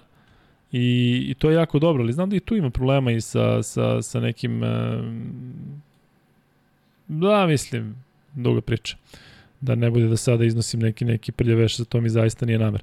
E, vidim da ovde sad pozdravljate ovo, ovo što pričamo i da, da imate jako lep odnos prema tome što želimo da pričamo sa nekim, ali ne, mislim da nisam, nisam dobro predstavio o čemu se radi. Dakle, uopšte ne želim ovde da dođu i da sada dobijemo mi neki poen. Oni treba da dođu zbog vas zato što mi imamo tu sreću da je vas sve više u, u tim ciframa, subscriberima ili sve, i tipa kada bi došao neko od njih, kada bi mi to najavili, on bi pričao u jednom trenutku u live-u pred 50.000 ljudi. Jedina šansa da priča pred više ljudi jeste da ode direktno na neku nacionalnu frekvenciju. A ovde je opet košarkaška ekipa, on bi otišao verovatno negde u neki jutarnji program i nešto da kaže, ali bi gledale babe koje čekaju da, da, da počne reality. Tako da mislim da je, zato mislim da je ovo dobra dobra sredina zato što je košarkaški svet, zato što vi ovde jako dobro poznate košarku uz neke izuzetke koji su nervozni pa možda nešto probace bez veze.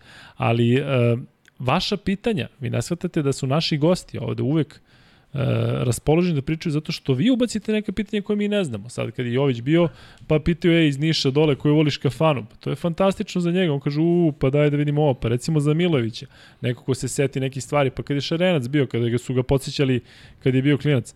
Dakle, poenta je da vi imate tu težinu da neko mora da ima respekt prema celoj ovoj priči da bi se obratio vama, ne meni. Dakle, ja, kada bih, ja, ja da hoću da pričam sa nekim lično da mi objasni, ja bih rekao, molim vas, nek se javi da se nađemo, pa da, da sad ja i pričam. Uopšte nije poenta u tome. Ali, e, žao mi što postoji taj strah. Mislim da je to deo u svim sferama društva, dakle, da ne smeš ništa da kažeš. Ja razmišljam, recimo, kada mi je druga danas rekao, ko je sve košarkaše bivše zvao, do nedavno bivše, pa bivše bivše, e, potpuno drugar sa drugog, e, iz drugog medija. I kada mi je rekao svi, niko neće da kaže, ja sad razmišljam zašto neće da kaže. Da li recimo on sebe vidi možda u savezu u nekom trenutku, pa sad neće nekome da se zameri. Znaš, da li postoji neko ko je toliko stabilan? Evo, Miće Berić je došao i ispričao čovjek sve, znajući da, da, i on je sam rekao, mene neće nikad niko da zove dok je ovakva politička situacija ili dok je ovo, možda mu to daje priliku da priča. Ali baš, me, baš mi je žao, nek izađe čak i nek kaže, nek malo zavije, nek kaže pa da, znaš, ali da se toliko svi plaše da kažu bilo šta, zato što će verovatno onda čim to vidi da ga neko pozove na telefon i kaže, e, mali, šta ti to priča? Ne mogu, ne mogu da verujem da postoji ne, toliko strah. Ne, čak ne idem ni toliko daleko. Ima prosto ljudi koji nisu zainteresovani za to i da ti kažem, ja sam bio jedan od njih. Ja jedno vreme nisam pratio ništa. Ništa. Baš ništa. Kad mi neko Uzme, kaže... Izvini, to su ljudi koji su do juče pričali dok, je, dok, dok je bilo dobro za reprezentaciju. Da, pa dobro, tako Znači, juče je dešava se. pričao, Pa, e sad dešava više ne priča. Znači, kad je dobar, ti ćeš da dođeš kada, da budeš, da se znaš, malo. ali, ali i to razumem, i to razumem. Znaš, znaš zbog čega? Zato što sad oni njega kad pitaju, sad pošto shvatamo da se iz, iz negativnog stvara šizofrenija, on sad mora da pazi na svaku svoju reč. Jer ako nešto je. kaže, to Šta? onda kreće... Ne, ne, Šta onda? onda kreću po njemu. Ko? Pa novinar. Pa šta? Pa zašto je izvr, i- opet je izvrnuto? Kažem ti, ljudi kad bi rekli šta misle, imali smo, osetili smo mi to iz nekih naših e, podcasta da je naslov ne odgovara uopšte onome čemu smo pričali. Jeste, ali se nismo Pa mi- se u toj meri pa smo uspeli da ispeglamo. Nismo I ništa peglali. Meni je bilo fantastično što se ljudi javljali na te medije i Tako je. rekli, pa čekajte bre, ovo nije nema veze. Tako Jeste, da, pa ako neko hoće da napravi, ali hoću ti kažem, nekom čoveku to može da smeta. Neko ne želi da se eksponira, neko misli da je već dovoljno rekao, neko hiljadu razloga ima. Znam, ali ne razumim i dalje strah od čega. Znači on sad dođe ovde i kaže nešto, ne ovde, ne mora ovde, nego negde ovde i kaže nešto i sada se može to izvene. Šta, šta, šta je, Pa ne šta, šta je konkretno strah za njega? Pa da ga na nemam ulici neko, ne znam pa šta. ne verujem, ne verujem da je taj ne. strah. Ali vidi, Mnogo se ljudi boje E, imaginarnih stvari. E, a sad zamisli, a sad zamisli ovaj, da, da postoji ono što smo pričali juče, stručni savjet. I on se okuplja sada posle ovoga i konstatuje nešto. Tih pet mudraca. Kako god se oni zvali. Zato što su, opet, e, opet, argument za nemanje, jer to mora da budu Željko, Duda, da, da li me razumeš? To mora Naravno. bude, pa čekaj, šta je s ovim drugim ljudima? Pa tad, na primjer, Džile radi u Srbiji. Šta je njemu fali da bude tu? Šta, nema dovoljno znanja? Zašto? Dejan Radonjić. Šta, ne može bude tu? Zašto sad nema, šta, nema dovoljno iskustva, a kaže nešto što ima smisla. U Savezu Srbije je možda malo teže, ali... Ti Šalim ga se, zoveš kao naravno. trener, ma što bre, šta bre, kod ko znaš, Deo ima bre četiri državljanstva, znam ja njega. Možeš budeš šta hoćeš. I napitaš te ljude i dobiješ neki odgovor. Ne znam šta bi ti rekao. Jel ima ljudi ili su pospali? Ne, tu su, pa zanima ih ovo, da. E, dobri su, dobri su, dobri su ljudi, divni su, tako da zaista zaista je zadovoljstvo ovde sa vama pričati o svemu i ja i Kuzma, inače ovo radimo i sami, ali ovako kad ste vi tu, to je, to je, to je zaista fenomenalno. Tako da, ne znam, Kuzma, hoćeš da nastavimo ovu priču dalje? Pa ne, da- zato što ajde da, ajde da se nadamo da će biti neki, nešto će se desiti, pa će neko nešto da kaže u nekom momentu Neko ili će neće. se javiti da dođe, a? Jer koliko, e, Ne, koliko da ostaje šanse da neko. će neko da se javi sad i kaže, ajde, evo, minus, hoću da pričam. Minus 711. E, baš se sad javi ti Ko o će kome pričamo, vas trojica, četvorica, Ba, koji jedino će možete se javiti.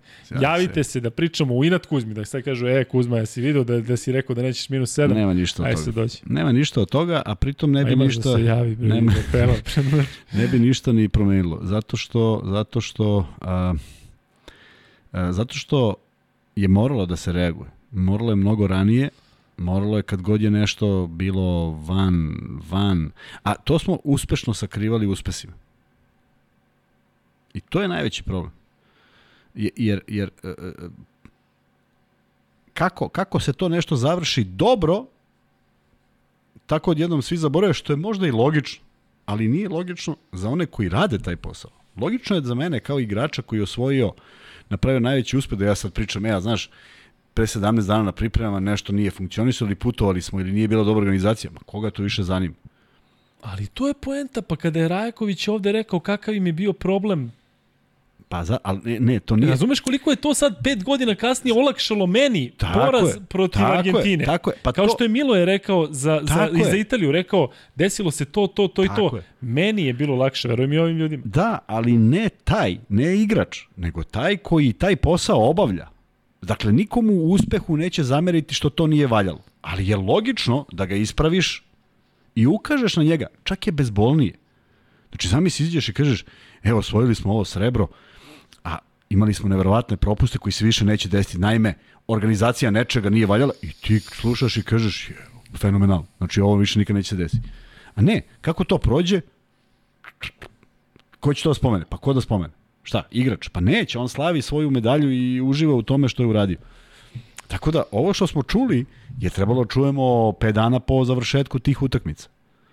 I od Milojevića i od Rajakovića. I bilo bi nam svima lakše i ljudi bi možda bili svesniji posla kojim treba da se bave i možda bi ga ispravili, možda se ne bi ponovio. A što misliš da nisu rekli? A? Što misliš da nisu rekli? Nije njihov posao da kažu. Upravo to ti kažem. Da. Ne treba on da izađe i kaže, znate, nije valja. Treba izađe čovjek koji, koji, koji ima izveštaj. On mora, neko mora napiše izveštaj. I u izveštaju treba da stoji, ja, moji svi izveštaji za dve i po godine su ostali tamo. Bar se nadam. Mada vidim da me su me zvali jednom i pitali da li je možda izveštaj kod mene, što znači da ih nema. Sakrio si, Majke si da pa sakrio. jeste. Držiš i prelistavaš ujutro. Kako da ne, i svaki put se podsjeti. Da. A pisao sam ih sa zadovoljstvom. I uspeha i neuspeha kad je bilo. Kad je bilo neuspeha, tačno sam govorio šta je bilo. Ne zato što sam nekog hteo da štitim. Mi smo, mi smo iz najbolje namere čoveka koji je bio prvak SCG sa klubom iz Niša. Ej, u onoj konkurenciji. I on je bio pomoćni, pomoćni, pomoćni i došao je moment da bude glavni trener. I čovek je bio oduševljen, Milan Josić. I je oduševio se, i krenuo, i reprezentacija i sve. I sad ti kako? Pa evo, vrlo slično. Igra te reprezentacije koja je potpomognuta zaista igračima koji moraju da budu u reprezentaciji. Ne zato što su kvalitetni, nego zato što prosto mora da bude tu. A imaš dva bisera. Pecarskog i Petruševa, koji igraju kao da zajedno igraju već 28. sezonu. Ej, ovaj gore, ovaj dole, ovaj pas, ovaj low pas, ovaj ovo, ovaj... I Petrušev polomi stopalo u trećem minutu prve utakmice. Svi do jednog zaborili da igraju. I mi samo treba pobedimo Grčku i ništa više ne postoji. Mi izgubimo od Grčke u posljednju četvrtini. E, to ti je to. I kreće. Komu dao da bude trener? Pa on ovo, pa on ono. Čovek, ponovo da poželi da bude trener, pa ne pada mu na. Ali to stoji u izveštaju šta se desilo. Sve stoji. Ko hoće ja pročitam. Mada mislim da niko i ne čita. Ajde, ne, stvarno poslednje pitanje. Da li misliš da neki od ovih ljudi koji, e, koji se pitaju, svi znamo koji su,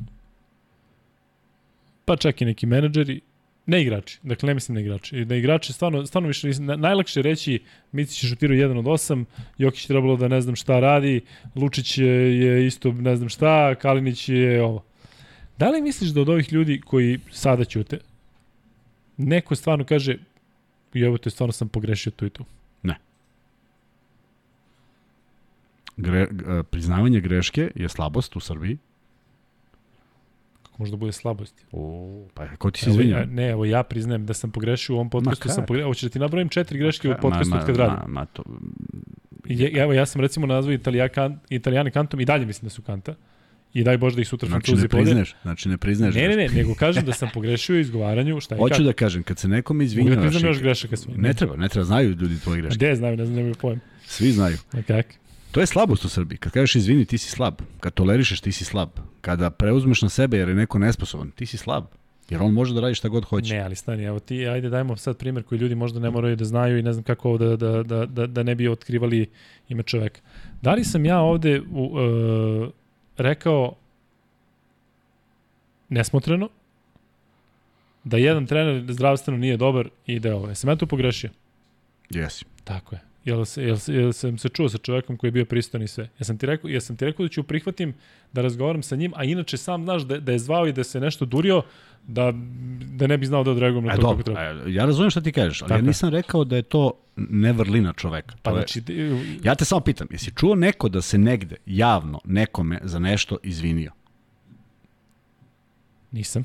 Pa o tome pričamo. U Srbiji Ali da on bi... bi da, dobio poene za to. to, je, ali to, to, to i ja mislim. Ali dalje se niko ne izvinjava. Ne mora da se izvini. Ma, Nego niko ne da kaže, ja kaže, sam pogrešio. jebi. Ko? Evo, aj, daj mi, daj mi seci neki, uzmi, uzmi random neki dan i kaži daj imamo ko je neko napravio grešku u životu. Da imamo ko je taj. Neće niko. Pa zato ih ovako ovde vređuju i ovo. se. Pa ne znam, ali Ja ti kažem da sad dođe iz Iko i da kaže, vidi, jebi ga, desilo se to i to, mogao sam možda da uradim to. Jel moglo to i tako, ja sam izabrao ovo i ispostavilo ovoga, se da loše. pola od ovoga nema. Jer si dobio neku Tako je. informaciju, sad ti možeš budeš je, lud i on ti kaže šta god Pa hoćeš. stvarno misliš da im prija ovo, o, o, ovo da ih pljuju, da ih nazivaju najgorim mogućim imenima, mm. je li to kao okej? Okay? Mislim da ne gledaju. Ne gledaju sigurno, ali, ali znaš sam kako je ovo. Kimi, Hoću- Kimi, daj odgovori Kimi, Kimi, molim te na to pitanje. Baš me zanima, molim te, zato da vidim da li, da li, da li, da li znaš ili ne znaš. Kimi, Kimi ovde nešto, pitanje neko za free bet Zeza, da vidim da li Zeza ili, ili stvarno zna. E, šta kažeš? Hoću da kažem to da bi bilo divno Da neko preuzme odgovornost i da se neko izvini, ne da bi se on izvinio, nego da se, da se to predupredi, ali to se prosto ne dešava. I tu je kraj. To je tako. Pitaju li na Instagramu samo Kuzma odgovori ili Ivanja? Sanja, Manja i Žanja odgovaraju. Odgovaram samo ja. Samo Kuzma, da. I kad je nešto neviđeno bitno, onda pošalje meni da me obavesti. da. da. E, Gavrilo Princi kaže, krivi su Kuzma i Luk. Pa normalno da je... A ti nisi kriv, je li Da, Gavrilo? Ali, Svo, dobro. sve probleme Ne, si izazvao. Gavrilo je car, Gavrilo se, Gavrilo se šali, kaže, pa normalno je prvi Šta čovjek se šali? za neuspeh. Da. E, nemojte da budete i tako... E, da mislite da jedan čovjek sada vedri i oblači. Nemoguće da on sada to tako radi. Vidim da ste mu sada upali prstom u samo selektore i u samo predsednika Saveza. Nije to tako. Ja bih baš volao da se... Ne, nije, nije, nema problem da se recimo raspodeli krivice. I da se kaže, čekaj, pa ja sam, ja sam to uradio tako, ali ovo, nemoguće da on sad sedi i kaže, aha, sad ću ja da, jo, da pa dođe nije. taj tren. Pa baš zato daj da, Pa da nije, rašne. ne, to uopšte nije tako. To uopšte nije poenta da li si... E, a- ajde ovako. Evo, vrlo je prosto. Znači imaš neki, neki, neki e, postojanje tog saveza, on postoji zbog nečega, ali tako? E sad imaš neke ljude u tom savezu koji su deo tog saveza. I savez im neke stvari čini, neke stvari naplaćuje i neke... Ajmo da čujemo onog, onog najnižeg u savezu koji problem ima. A on se nikada neće oglasiti. Čekaj, čekaj, slušaj. Ne, ne, ko se neće glasiti? Taj što je najniži, taj, taj, taj će prvi Naprotiv, da naprotiv, niko ne, niko ne čuje. Gledaj, i onda on iznese taj problem nekom koga reprezentuje u Savezu. I onda ovaj dođe, iznese, iznese i tako ide. Jel misliš da se iznosi? Jel misliš da neko to uvažava? Jel misliš da nekog zanima? To je problem. Ali to nije u Savezu, to je u svim velikim kompanijama, u velikim organizacijama.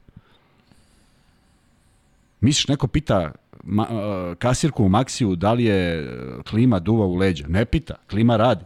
O tome te pričam. Jel to stvarno, znaš neki? Ma nemam pojma, ali ona će se prehladi, neće doći na posao Jeste, i nije odgovoran. najgore, tačno, pa, i da. nije Stalno- odgovoran. i stalno se žale i i, i nije odgovoran predsednik Maksija. I ona Ali kad bi se trebao da bude šef, vamo, tako, treba bude šef kojem ti Da. kažeš, a on treba kaže, sad ću ja da učinim nekim svojim autoritetom. I on ćuti, svi ćute.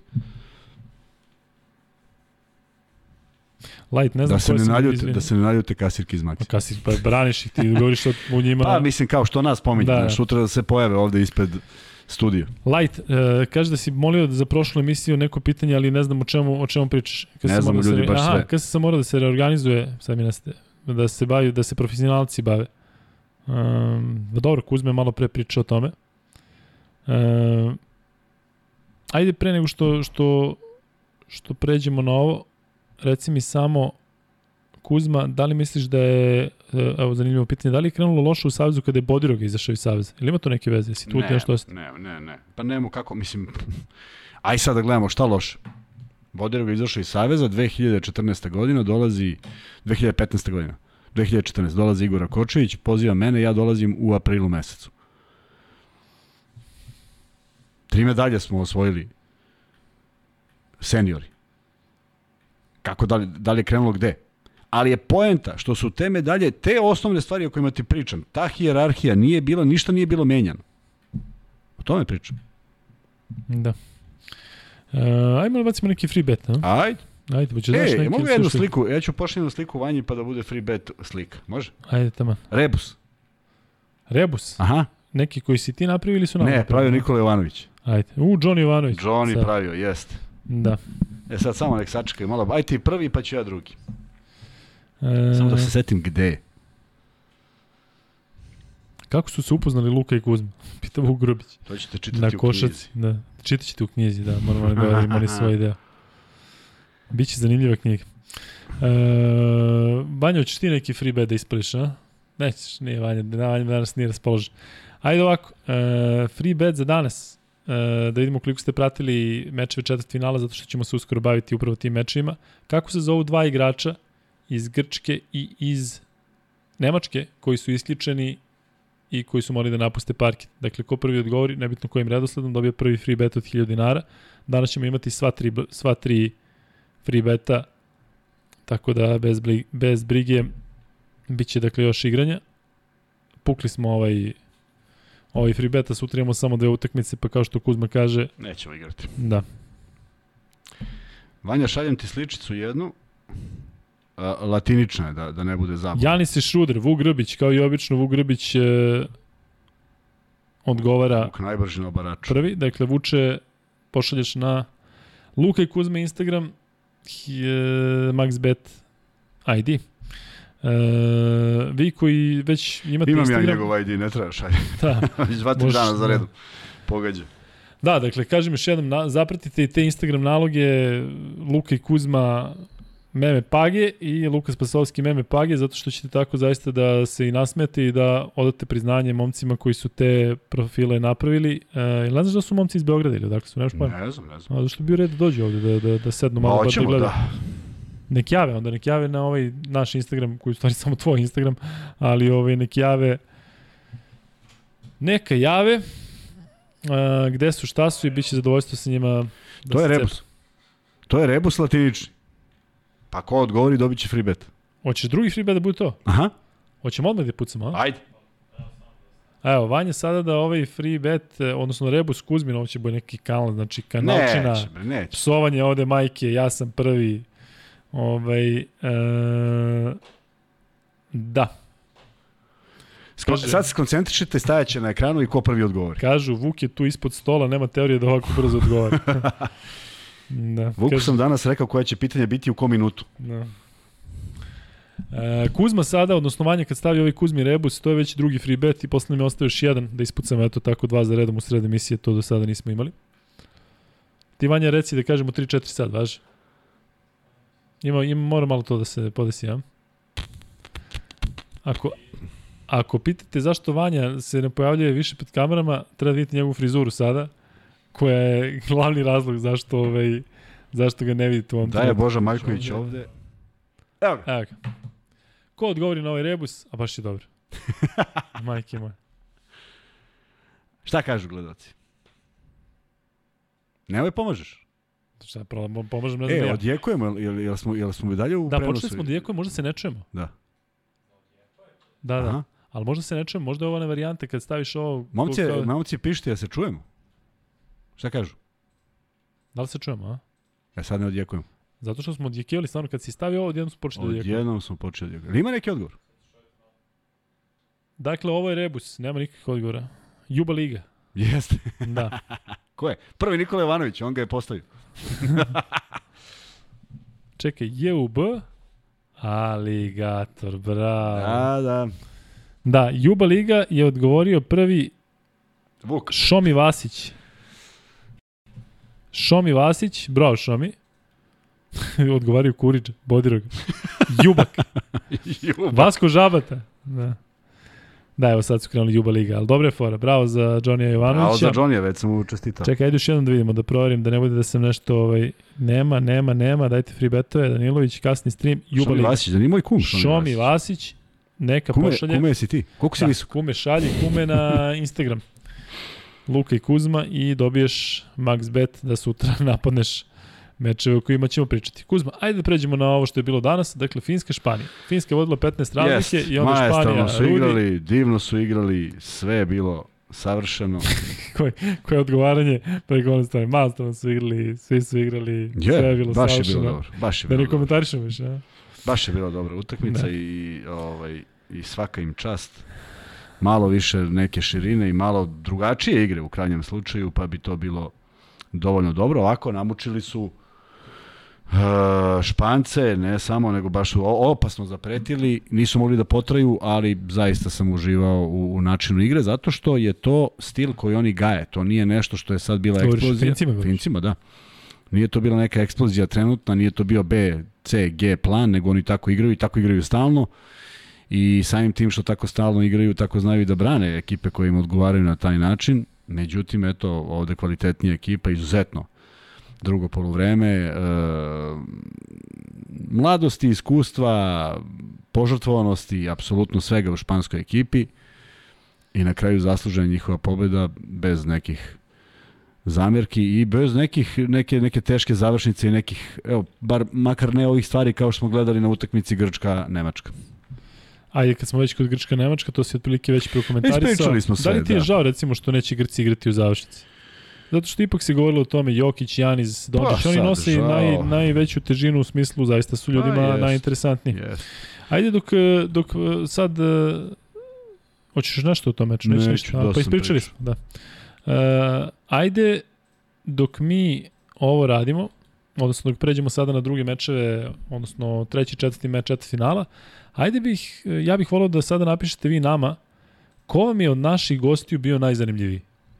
Dakle, slobodno možete od svih gostiju koji su do sada bili, mene zanima, tu može vjerojatno nešto da se izvaga i po broju pregleda, komentara ili već čega god, ali ajde baš da čujem ko vam je bio najzanimljiviji, da bi možda eventualno mogli da dovedemo istu tu osobu ponovo ili da možda dovedemo taj neki profil ljudi, da još uvijek ne mogu da provalim da li je to NBA liga, domaći igrači, m, aktualni igrači, znate ko je već bio. Kuzma, uh, sutra se igra prvi meč uh, Francuska-Italija. Da li je to možda, ajde onako da kažem, najzanimljiviji meč četvrt finala, pored ovog Grčka-Nemačka, ali nekako sad smo se vezali za tu Italiju, pa razmišljamo šta je bilo sa Francuzima, pratit ćemo to svi nekako posebnim žarom. Se slažeš? Da. Ne znam koji bi sad bio tu najzanimljiviji. Mislim, Pa Slovenija, Poljska nije, da se razumemo. Pa ne znaš. Ni Finska, ne, Španija ne ne znaš, ja više, znaš, ovo, ovo što se dešava, ne znam, ne znam koliko da mogu nešto da znam. Uh, fantastično izdanje Nemaca, fantastično uh, očekujem izuzetnu utakmicu, što ne mora da znači, jer ja od Francuza nemam šta da očekujem. Italijani ako budu u ovakvom naletu, oduvali bi bilo koga. Da li će biti, da li će... Ne znam, ne znam čime mi to nismo odgovorili, jer odgovorit će Francuzi. To mi ne...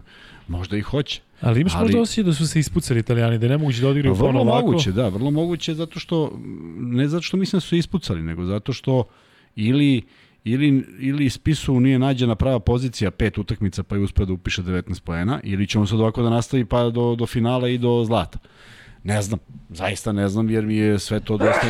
Uipa, nazdravlje. Hvala. Jer mi je zaista neobjašnjivo, ali verujem da jedni i drugi, ovi što su preživeli utakmicu kako su preživeli, Francuzi potpuno slučajno, i Italijani koji su ipak e, na kraju zasluženo slavili, ulaze sa dva različita stanja. Ovi su euforični, a ovi su srećni što su, što su tu, pa i kod jednih i drugih može da splasne euforija, a ovi kažu aj kad smo već ovde, ajmo sad malo nešto i da odigramo jer imamo neki potencijal. Mada ne sviđa mi se šta Francuzi igraju, nije mi sviđa ni šta igraju Italijani do utakmice s nama. A šta misliš da će sutra igrati jedni protiv drugih? Šta misliš da je sad sada taktika? nastaje, ja mislim da će Italijani nastaviti sad ovo, da, da su videli da ovo dobro ide i da će Beli, ovaj, ne Belinelli, nego Meli biti na polju isto, potpuno identično. Tek nema šta traži u reketu sa Goberom, I po Ireom. I, šta da radi dole? Ma neće, neće se znoji čovjek, nego će ovako da igra i ako otvori utakmicu, a ne mora da znači da će otvori ovako, a može da je otvori ovako, prema tome, bit će interesantno. Um, drugi meč Slovenija-Poljska. Pa opet, gledao sam, kažem ti, Poljsku, Ukrajinu i zaista da, sam bio veoma, veoma iznenađen načinom kako je Poljska igrala, bez obzira što igrala protiv Ukrajine, ali sve te neke zamisli koje su bile i su ostvarivali i delovali su najubojitije u svih u odnosu na sve utakmice do sada. Da li se tamo nešto poklopilo, ne znam, ali kažem, nisu ni malo naivno izgledali. Pa sad kad uzmeš i vratiš film, oni dobili Ukrajinca, Ukrajinci, Ukrajinci dobili Italijane i Italijani dobili nas. A mi dobili Poljake, Da, to- nema to- ništa to veze. Nikad, tak, to gledanje Pa da, tako nema nikad, nikad da. veze s mozgom, ali Da. hoću kažem, nisu više ona ekipa iz grupe, nego su napravili i oni korak dalje i vidjet ćemo da je taj korak može da ih odvede. Ako su gledali Belgiju, a gledali su, znaju šta treba da rade, da li su oni sposobni to da urade, ne znam, uh, vidjet ćemo. Mislim, ne, ne, ne, ne vidim tu laku utakmicu, sad će Slovencija se prošetaju, to ne vidim. Ne vidim više ni jednu laku ni za koga, a samo je bilo samo je bitno koliko su koliko su sposobni neke stvari da da odrade, a i da vidimo kako će Slovenija da reaguje. I oni su svaku utakmicu ipak prilično dobro šuterski otvarali i sve to nekako funkcionisalo. Može i tu da stane. Kuzma, ko ti glavni favorit sada kada se sve ovo desilo za zlato? Španija. Stvarno, Mm. sa ovim timom, sa... Shvatam da se neće predavati, shvatam da će izmisliti nešto, shvatam da će stati u atipičnu odbranu. Da, dobro su shvatam da će- odreagovali protiv Litvanije i danas protiv Tako je, Finjske. shvatam da će da stanu u 1-5-7 ako treba, da, da niko ne zna gde je, ali će nekog da zbune. Sa sve Brownom, ta Španija sa sve Sa Brownom. sve Brownom, I sa da. ovim Pradiljom. i Ne, ne, ne, uz, multi- uz dužno poštovanje svih. Neverovatno. Ali Da. prosto, to je ekipa, ti, ti svaki timeout nešto se desi. Da, ne, ne, uglavnom pozitivno. I svakog uh, sranja se izvuku. da odreaguju na svaku situaciju što, sve. što ljudi Tako odrade. Tako je.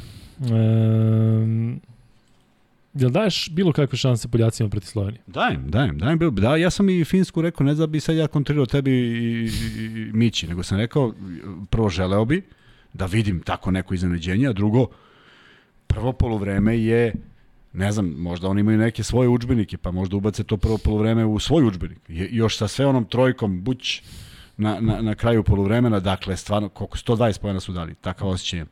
I stvarno su lepo igrali i, i, i nji, to on, ono što oni igraju. Ne, oni ne mogu drugačije, ne mogu ni da smire i da igraju pozicijno. Prosto, to je prštalo sa svih strana. Svaki put kad su videli da neko u odbrani želi da izustavi na tri, oni su poprobijali, zaista lepo izgledalo. I Španija je pokazala snagu, oni pokazali umor i neko neiskustvo i sve se to zavrti tako da dođe do, do takvog ishoda. Ali po prvom polovremenu ne bi znao ko je ko na terenu.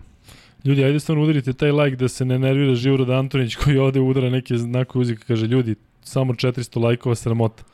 Ajde za, za jednog od vaših e, kolega. E, da li će prenositi Partizan na sledeće sezone, ne znam. Iskreno ne znam. Moguće. Mm, često ovde govorite da dovedemo neki od kolega, od bivših kolega, još uvijek to nismo se odlučili na tako nešto, tako da nije isključeno opet sa druge strane. Vidjet ćemo. Razumem da hoćete da čujete i taj deo priče. Um, da.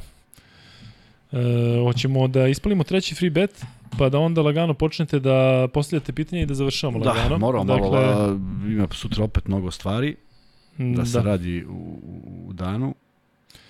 Dakle, sada ćemo da ispucamo treći free bet, pa ćemo da uh, odgovorimo još na malo pitanja i onda ćemo da zatvorimo otprilike tačno nekih dva sata koliko smo i planili da da, rad, da radimo. Ja, ja sam dubacim jednu stvar koja sad nema mnogo veze s ovim. Sutra počinje neki turnir koji se igra. Zvezda igra turnir u moru ovih evropskih takmičenja, a Partizan je danas pobedio Barcelonu. Ja tako? Da, da. Nisam stigao da ispratim ništa, sam radio ove meče, komentarisam. Dobiti Barcelonu u bilo kom momentu da. u, u sezoni je dobra stvar, tako da a, posle nekih poraza izgleda da su da su sada se malo konsolidovali, ne znam koji su sastavi bili, pa, zaista Barca nisam ima mogao. sedam igrača na prvenstvu. Pa, sedam, nisam mogao da ispratim, ali svakako, svakako se računa, tako da... Da. Po, eto, počinju i te klubske aktivnosti u senci svega ovoga što se dešava, a u stvari nismo ni svesni koliko je blizu. Da, nevjerojatno. Pa neko bliže nego ikad. Jel grešim ja? Ne je se dešavalo da se završi evropsko prvenstvo i da imamo nedelju dana pauze i A, da ne, nije, ali mislim da, je, po, da inače počinje ranije zbog tih da. više nedelja, tako da je nekad počinjalo da. makar nedelju Jasne. kasnije, ovako počinje s početkom oktobra, što je, što je jako, jako blizu. Um, da. Ajde, treće pitanje za free bet, nemojte se ljutiti što je onako malo uže, ali za vas koji zaista pratite košarku uh, i opet povezano sa onim što smo videli danas, nabrojite četiri košarkaša iz Finske. I ko prvi to uradi, dobit će treći free bet, max bet. Tako da nema šta i možete da krenete da postavljate pitanje, odgovorit ćemo na nekoliko i onda ćemo lagano da zatvaramo za, za danas. Vanja, sutra je opet Lab 76,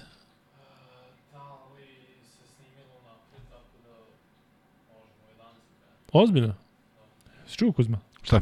Sutra možemo u 11. Ne bre, sutra možemo, ajde, sutra možemo u 22.30. Zato što... Nemam ja neke obaveze. Ali baš u 11, da. Pa tako sam isplanio. Hajde onda možemo posle meča. Ja mislim da sutra prenosim Francusku, Italiju prenosim sigurno, ali e, moram da proverim da li opet radimo zajedno ili šta je sa Slovenijom, ali mogli bi odmah prosto Slovenije, tako da sutra eto možemo u neko normalnije vreme da pričamo o, o 50 pojena Luke Dončića. E... Uh, Vanja, evo šaljem ti jednu sa Lukas Pasovskim mime page, najnovija. Koliko ljudi gledaju ovaj, šta radimo i koliko prate. Sad, ćeš, sad ću ti pošaljem pa ju ubaci. Petar Mitić, Jantunen Makanen, Salin Koponen. Bravo Petar, ti si prvi, tako da čestitamo ti i uh, pošalji MaxBet ID na Luka i Kuzma Instagram i to što šalješ sa kog Instagrama, Kuzma? Sa kog Instagrama naloga? S našeg? Koje? To, taj što šalješ vanje pa će sada da pokaže. Sa našeg, da. Da, da, to. Rekao da nije od ovih momaka što... Ne, ne, ne. Što rade. Pa ne, sa njihovog, ali mi su mi poslali. Da. E, evo ga, i evo ga Goran Marković, majstor. Znaš ko je Goran Marković? Pa znam ovog reditelja. Kine, kinezi, kinezi i dresovi. Japanci dresovi. Japanci dresovi, da. Japanci, pa e, samo da im da li pratiš da li su bili Japanci. De, ne pratim. Vučević, Lide Koprivica, Panter, Smajlagić. Ja, povredio se, bit će u autu dva Povredio meseca. se, Smajlagić se povredio, to sam vidio. I daj Bože da bude samo dva meseca, zašto sam negde Šta je čitao da je možda i duž. Ne znam, ali sam vidio da je neka ozbiljnija povreda i taj dečko zaista nema sreće. Dakle, da. mm, toliko je uticalo na njegovo samopouzdanje prošle godine i sad taman čekaš da počne ovu godinu da bude zdrav i onda se desi to. Sve najbolje želimo Da, Smajliju. apsolutno. Egzum Jovanović, Naneli, Lesor, Trifunović, Andjušić, Petrović. I sad ima tu i poena. 5 Vučević, 1 Lidej, 11 Koprivica, 8 Panter, 5 Egzum, 11 Naneli, 19 Lesor, 5 Trifunović, 5 Andjušić, 8 Petrović. Igrali su protiv Da Silva, 8 Pauli, 3 Šta Martinez, ovo, Boki, 4 Pasečnik, 9 Tekst. Abrines, 8 Higgins, 1 Kuri, Kurik, 13 Kasedo, 16 Viljar, 2 Nađi, na, ne znam, ima 5-0, 5 faulova i 0 poena, majstor, Bonila 6, Jakucioni, Žakucioni, Hakucioni, kako se Šta zove? ti je Kuzmes? Dobro. 5, pa ne znam kako se zove čovjek. Pusti Žekucijan. A, je, vidi, si vidio? Ekstra. Ekstra. Ovo je napravljeno momentalno, Pa a? momentalno, da. Vrh. Ali gde nađu ovu tvoju sliku sa se... Da nađu končara i mene da nađu. Končara nađu, skinu sa... I, Sa rade tog, sa rade tog sajta. Sa rade tog sajta. ali A nije šta friž, misliš? Frižder nije, da. Nije frižder je Končar. nov. friž za neki Novi, novi da. dupleks. Da, Kuzma, da li je po vama Skariolo bolji od Pešića jer je okrenuo Fince, snašao se na njihov šut za tri pojena i podigao ekipu? Da li je bolji? Da ne, da li je bolji, da li je odreagovao? Odreagovao, da. To Da. mogu da kažem, odreagovao jeste. Imao reakciju čovek i promenio. E, ŽTT kaže Luka, uzmite u razmatranje da napravite fantasy ligu za Euroligu, da se tako zezamo kada krene. Jel to, Vanja, kako to ide sa tom fantasy ligom? To možemo i da prema. Da, nismo, ja, ja i Kuzma nismo, odlična ideja, znam da je to super, ali... Aha, pa možda mislim na to, da, da peglamo svi zajedno pa da skupimo neke poene, ne da mi ovde nešto...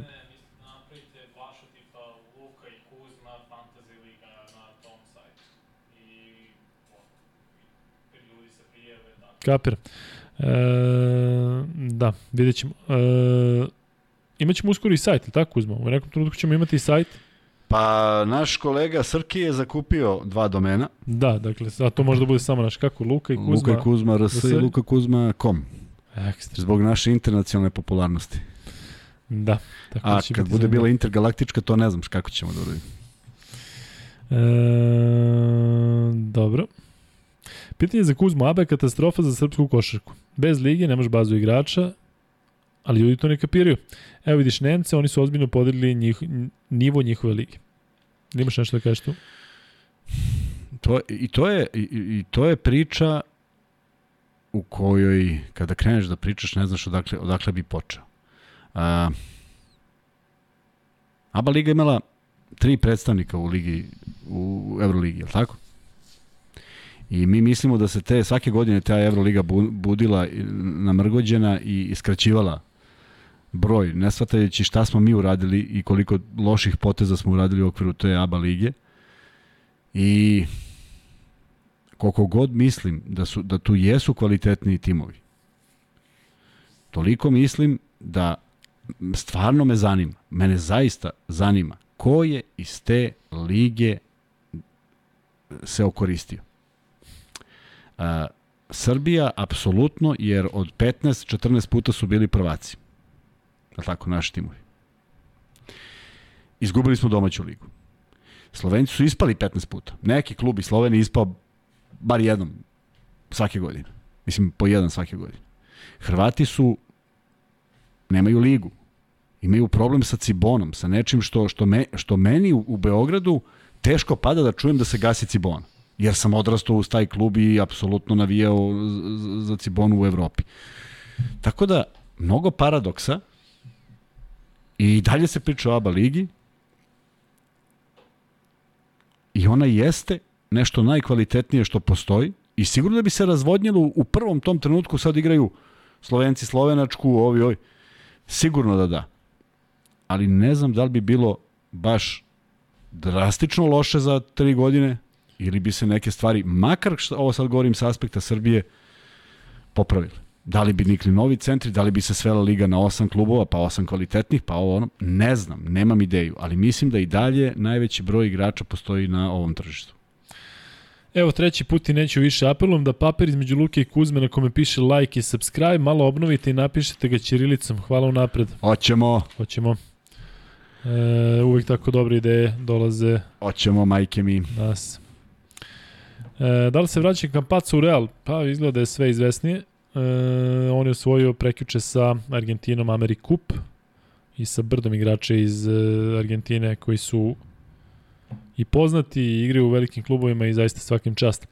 Da li mislite da se Pešić neće ni uglasiti i da li mislite da Teo još uvijek može da odigra neko takmičenje? Ja mislim da on fizički može da odigra, ali mislim da neće više igrati za reprezentaciju zato što... Ko? Teodosić. Mhm. Mislim da neće više igrati za reprezentaciju zato što uh, mislim da je ostavilo ovo baš gore kutisak u smislu da gore kukus. A da e, čak i da Pešić ode, mislim da on nema sad problem više samo sa njim, već možda sa nekim ljudima koji je trebalo da ga zaštite, a nisu, tako da ne mislim da bi eventualnom promenom selektora e, Teodosić pristao da ponovo igra, ali znajući njega za koliko voli da igra za Srbiju, ko zna, možda je moguće. Vidjet ćemo, mislim da i zavisi kako će mu biti sezona ova u Virtusu, da li će biti zdrav, u kakvoj će formi biti, pa ćemo vidjeti. E, koga biste vi volili da dođe umesto Danilovića kad bi otišao? Pa, mislim, ja bih najviše volio da dođe tako neko koga će da poštuju jednako, ali malo je opet nezahvalno pri, pričati o tome, recimo Bodiroga je neko ime, Divac je neko ime. Mm, meni, me- ja volim da tako bude neko ko je, ko je na savezu, ko je ovaj mogu da vodi Sacramento Kings, ako je već bio gde, ako je ovaj sada za Euroligu. Ako uzme opet sa druge strane, verovatno misli da treba da bude neki menadžer, tako? Mm, Ne mislim menadžer, menadžer igrač, nego menadžer neko ko, ko zna da barata tim stvarima. da. E, pitanje za Kuzmu. Da li je sada došao trenutak da se nađe neki trener, nebitno koji, da nađe igrače po KLS i da trenira ekipu i da sa tom ekipom idemo u prozor čak i sledić, čak i Da. po cenu neuspeha. Da, da, da. Jedna ekipa i kaže se, ko ima tu najviše, tu da nema stranaca? Daj njega. Daj neki igri, nek vežbaju. Šta će da igraju? Igrajte akcije koji igra reprezentacije. Šta, ne fali im sigurno ništa. I cepaj. I popuni sa jednim dva, ako se neko povredio, i to bude jedna homogena ekipa. Zvuči potpuno glupo, ali mi smo tako ekipe slali na te neke turnire u kinu i bez problema smo pobeđivali neke selekcije. Zato što se ljudi poznaju. A nije to takmičenje nekog nivoa O, pa neće biti ni ovi prozori nekog ludačkog nivoa kad dođu Britanci. Ja stvarno, ja stvarno ne mogu da, da, ne, da zamislim da mi... Pričamo sve smo izbaksuzili da Pa pa da, Britanac to što danas kažeš. izbaci se ubijemo. U stvari, Britanci će pobediti, Tako pa ajmo da učinimo da, da bude neizvod. Pitanje za free bet, da li se nekad neko je javno izvinio u Srbiji kada je pogrešio? Da, Pa, vrlo moguće da nije. Pa eto. Da li Zvezdi fali jedan igrač kao što je Andrea Sobst, vrhunski šuter sa distance? Pa verovatno da, s tim što ne treba očekivati da će neko biti kao Obst ili da će neko biti kao Billy Bern, ali tamo recimo neki tipa Izeja Cannona bi bio dobar za Zvezdu, a? Današnji opst bi bio savršen. Ono što je igrao protiv nas ne baš toliko, a neki drugi verovatno nikako. Ali A ovo danas što je igrao... Pa vidi, on je, on, je, on je čovjek za sebe, znaš, on igra neku svoju igru i mm, ne znam koliko on može da uđe u neki sistem. I sad će meni svi da kažu, pa i ne treba da uđe u sistem, on treba da. On je neko ko može da proizvede koš bez problema. Ali videli smo onu, ono, koja je utakmica bila kad je on sa publikom bio u ratu, pa kad dođu bacanja, a Barcelona. on buđ, buđ promaši Dobro, daj mi Četiri komada. 7 trojki. Pa jeste, ali nevjerovatni. pa Pa, dobro, trese se dvorana. Sam Ma nek se trese, treba neko tu koji se. Da. Treba neko ko je pobednik. Da li razumeš? Ne da mu bude samo dobar, ne on samo da kao strovalio E, 30 pa takav, i... takav, znaš kada će dođu u Zvezdu, takav je već Pa, i pobednik i dobar šuter i najbolji Pa, na svetu. Pa dobro, ja samo konstatujem. Pa i sad ovo, ovo, je ovo. Pošto Partizan ima Andjušića, a Zvezda ja mislim da u ovom trenutku nema takvog šutera. Zvezda treba da Merka Tylera Dorsija i ako ovaj propadne, slušaj, i ovaj ako propadne u Dallasu, odnosno Texas Legendsima, tokom sezona ako mu se ne Gde dopada, je otišao? otišu u Dallas. Šta je Texas? Texas Legends je njihova NBA G, G liga, s tim što je potpisao onaj dvosmeni A, ugovor. dvosmeni ugovor. Texas znači, ako- Legends, tamo je otišao. Da, dakle on ako, ako ne bude igrao u Dallasu, onda će da ga vrate ovamo, e onda odatle ako mu ne bude kako volja. Eto. Uh, bilo je nekih dobrih igrača tamo u Turskoj ligi, recimo onaj Hayslip, on je bio vrlo interesantan, onaj Kanadjan, on uzme pa stavi 12 trojke, ali opet ne može da ponudi nešto drugo, tako da ima tih zanimljivih šutera. Jel bi recimo volio da vidiš Tunđera u Zvezdi? Ako je mogu da igra u Efesu, da li bi mogu da igra u Zvezdi, recimo jedan tu, turski šuter. E, a kad smo kod toga, vidi. Pazi ovo. Uf, u kom pravcu će ovde ide se. Gledaj sad u kom pravcu. Ajde. Na primjer, 90. godina kad smo počeli da igramo košarku i kad smo počeli da malo osvajamo to neko tržište koje je za naše igrače osim ekstremnih kvaliteta, tako onih Dražena i čuda 80-ih, nije tu bilo nekih neverovatnih transfera malo reprezentativaca, najboljih igrača. I onda su 90. počele da se otvaraju i onda sam ja stalno kapirao da naši igrači kad odu negde, on ode pre svega zato što u našoj zemlji za taj sport nema dovoljno novca. I ode negde da zaradi više, da igra kvalitetnije, prevaziše kvalitet. Ali mi je ogromna misterija kad vidim Italijana u Španiji i Španca u Italiji i pitam se kako njihovi klubovi, kako njihovi, njihova zemlja nije reagovala da ih zadrže. Znači, govorimo, Dobro, malo primjera imaš, iskreno. pa nemaš malo. Španaca u Italiji.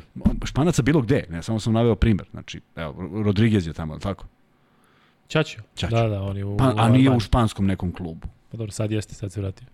Razumeš šta ti kažem? Kapiram, Nismo kapiram, išli kapiram. trbuhom za hruhom jer tamo košta. Jeste. A ovde uvek koštalo isto. Ne isto bile neke razlike, sad kao ti ovde bolje živiš, ovde lošije Da, živiš. mislim da je to instant, kada ti poš, po- neko baš ponudi ugovor kakav ti ovaj tvoj ne bi ponudio, e onda ideš za se, lovom i ali ima mnogo veliki broj i onih manje Jeste. poznatih igrača koji nisu u svojoj zemlji, a odlični su. Nego igraju u nekoj drugoj, a tamo igra neki iz Nemačke koji je, nije da. procenjen. To mi je misterija. Jeste. Kako do toga dođe? Jer znam da, je, da su ljudi odavde, koliko god to sad glupo zvučalo, nerado odlazili ako su imali pristojne ugovore. To je stvarno takav, takav je bio stav. Ako ja mogu napravim toliko, što se ja tamo odigram za duplo.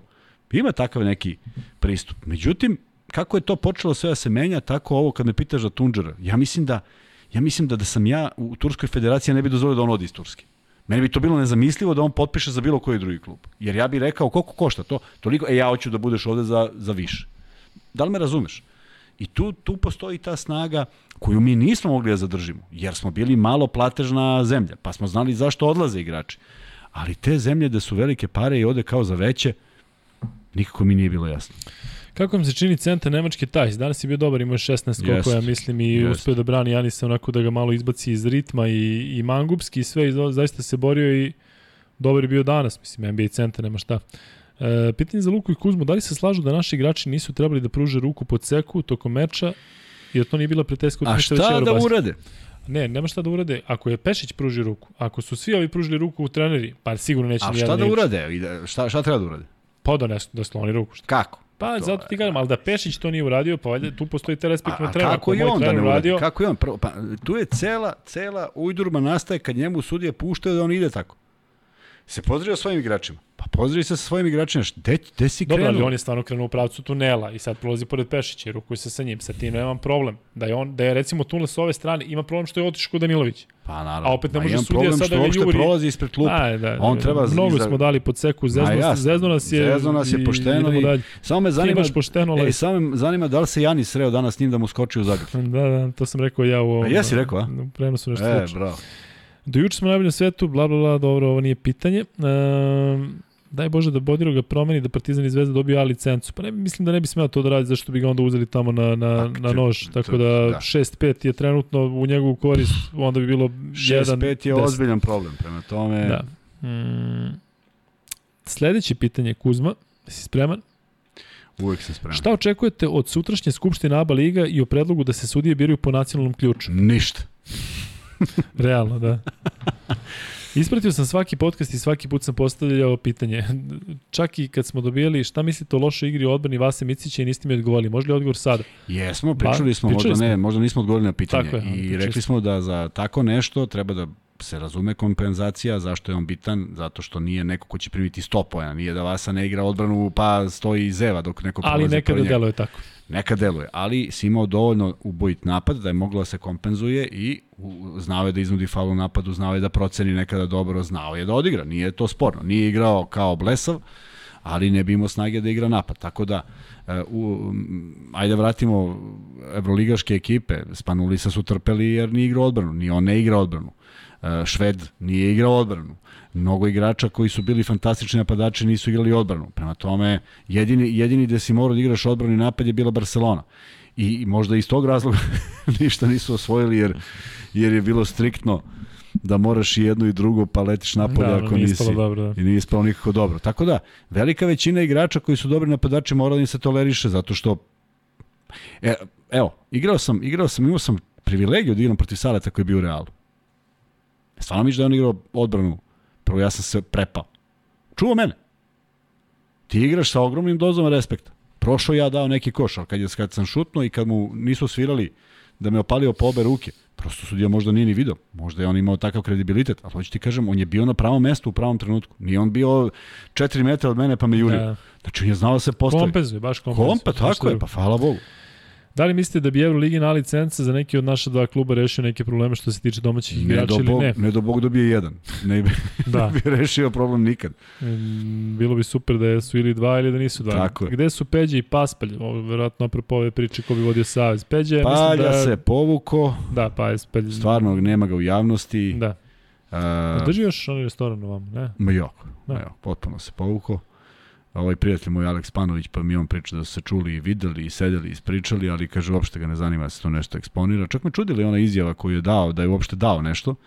A Peđa je u Americi, mislim da nešto ga mnogo ne do- dotiče, kažu da mu je dete jako talentovano i mislim da se tamo bavi nečim svojim. A da li mislite da je ovo poslednje od Jokića što se tiče reprezentacije? Apsolutno ne.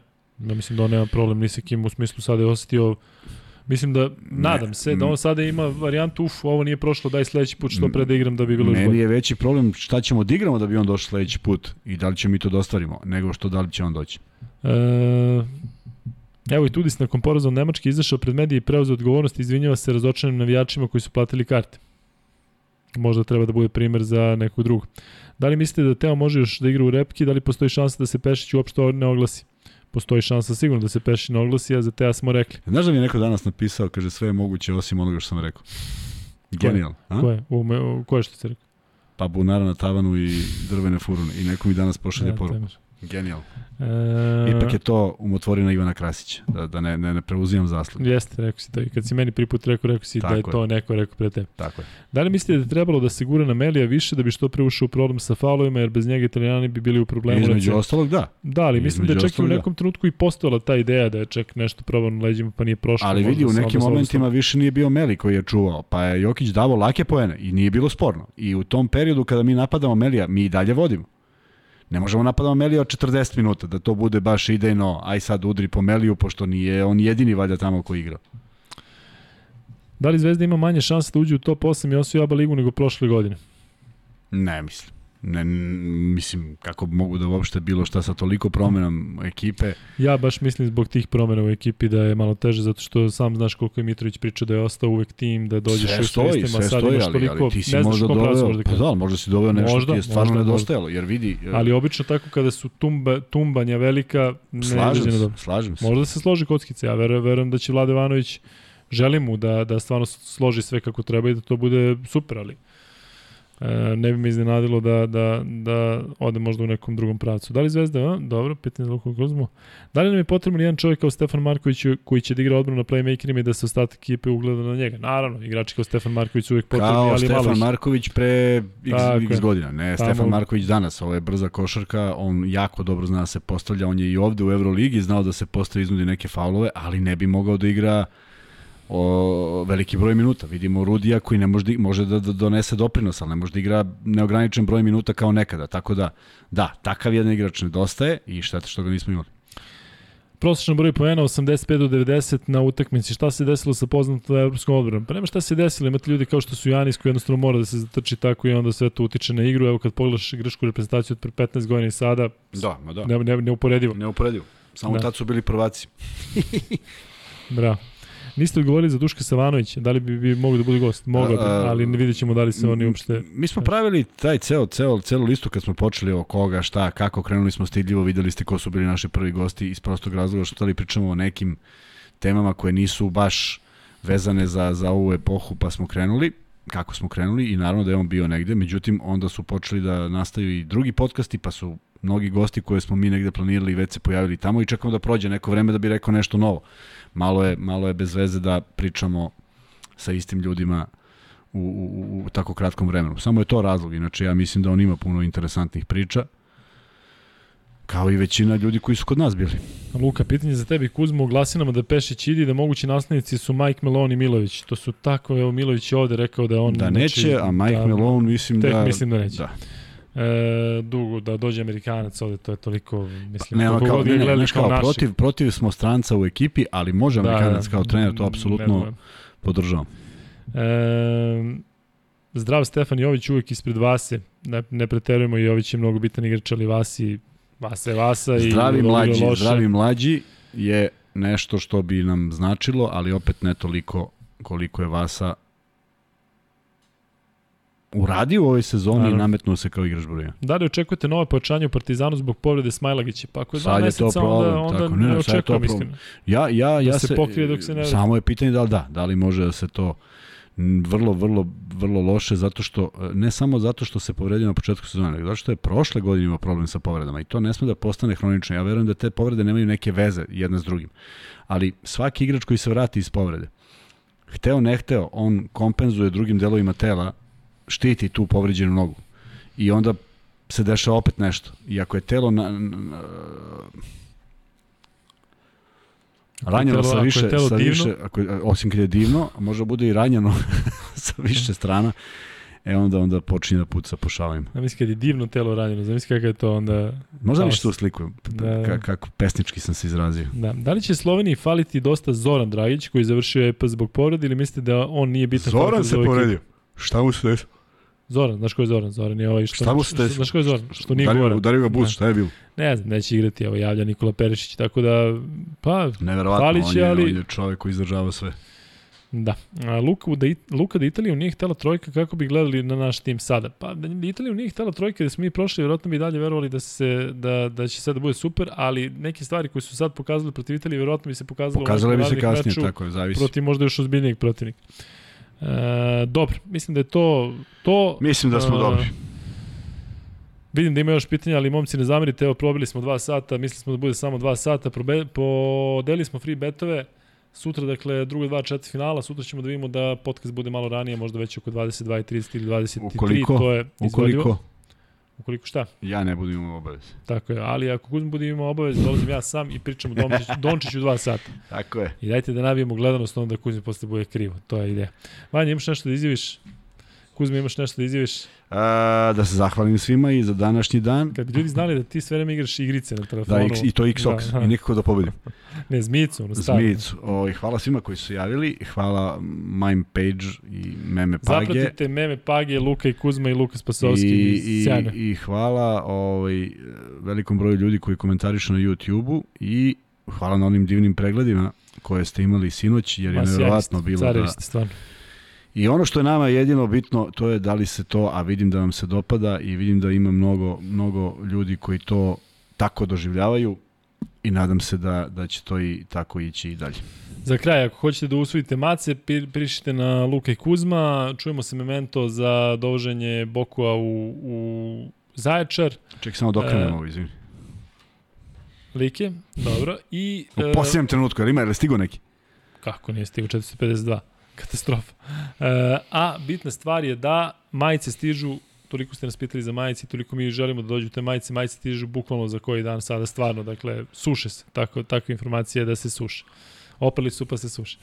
Tako da, eto, Kuzma, zatvoramo 70. i 71. sutra. od- Laku noć svima i dobro jutro 23. pojedinima koji ovo gledaju u ranim jutarnjim satima negde na istoku. Vidimo se.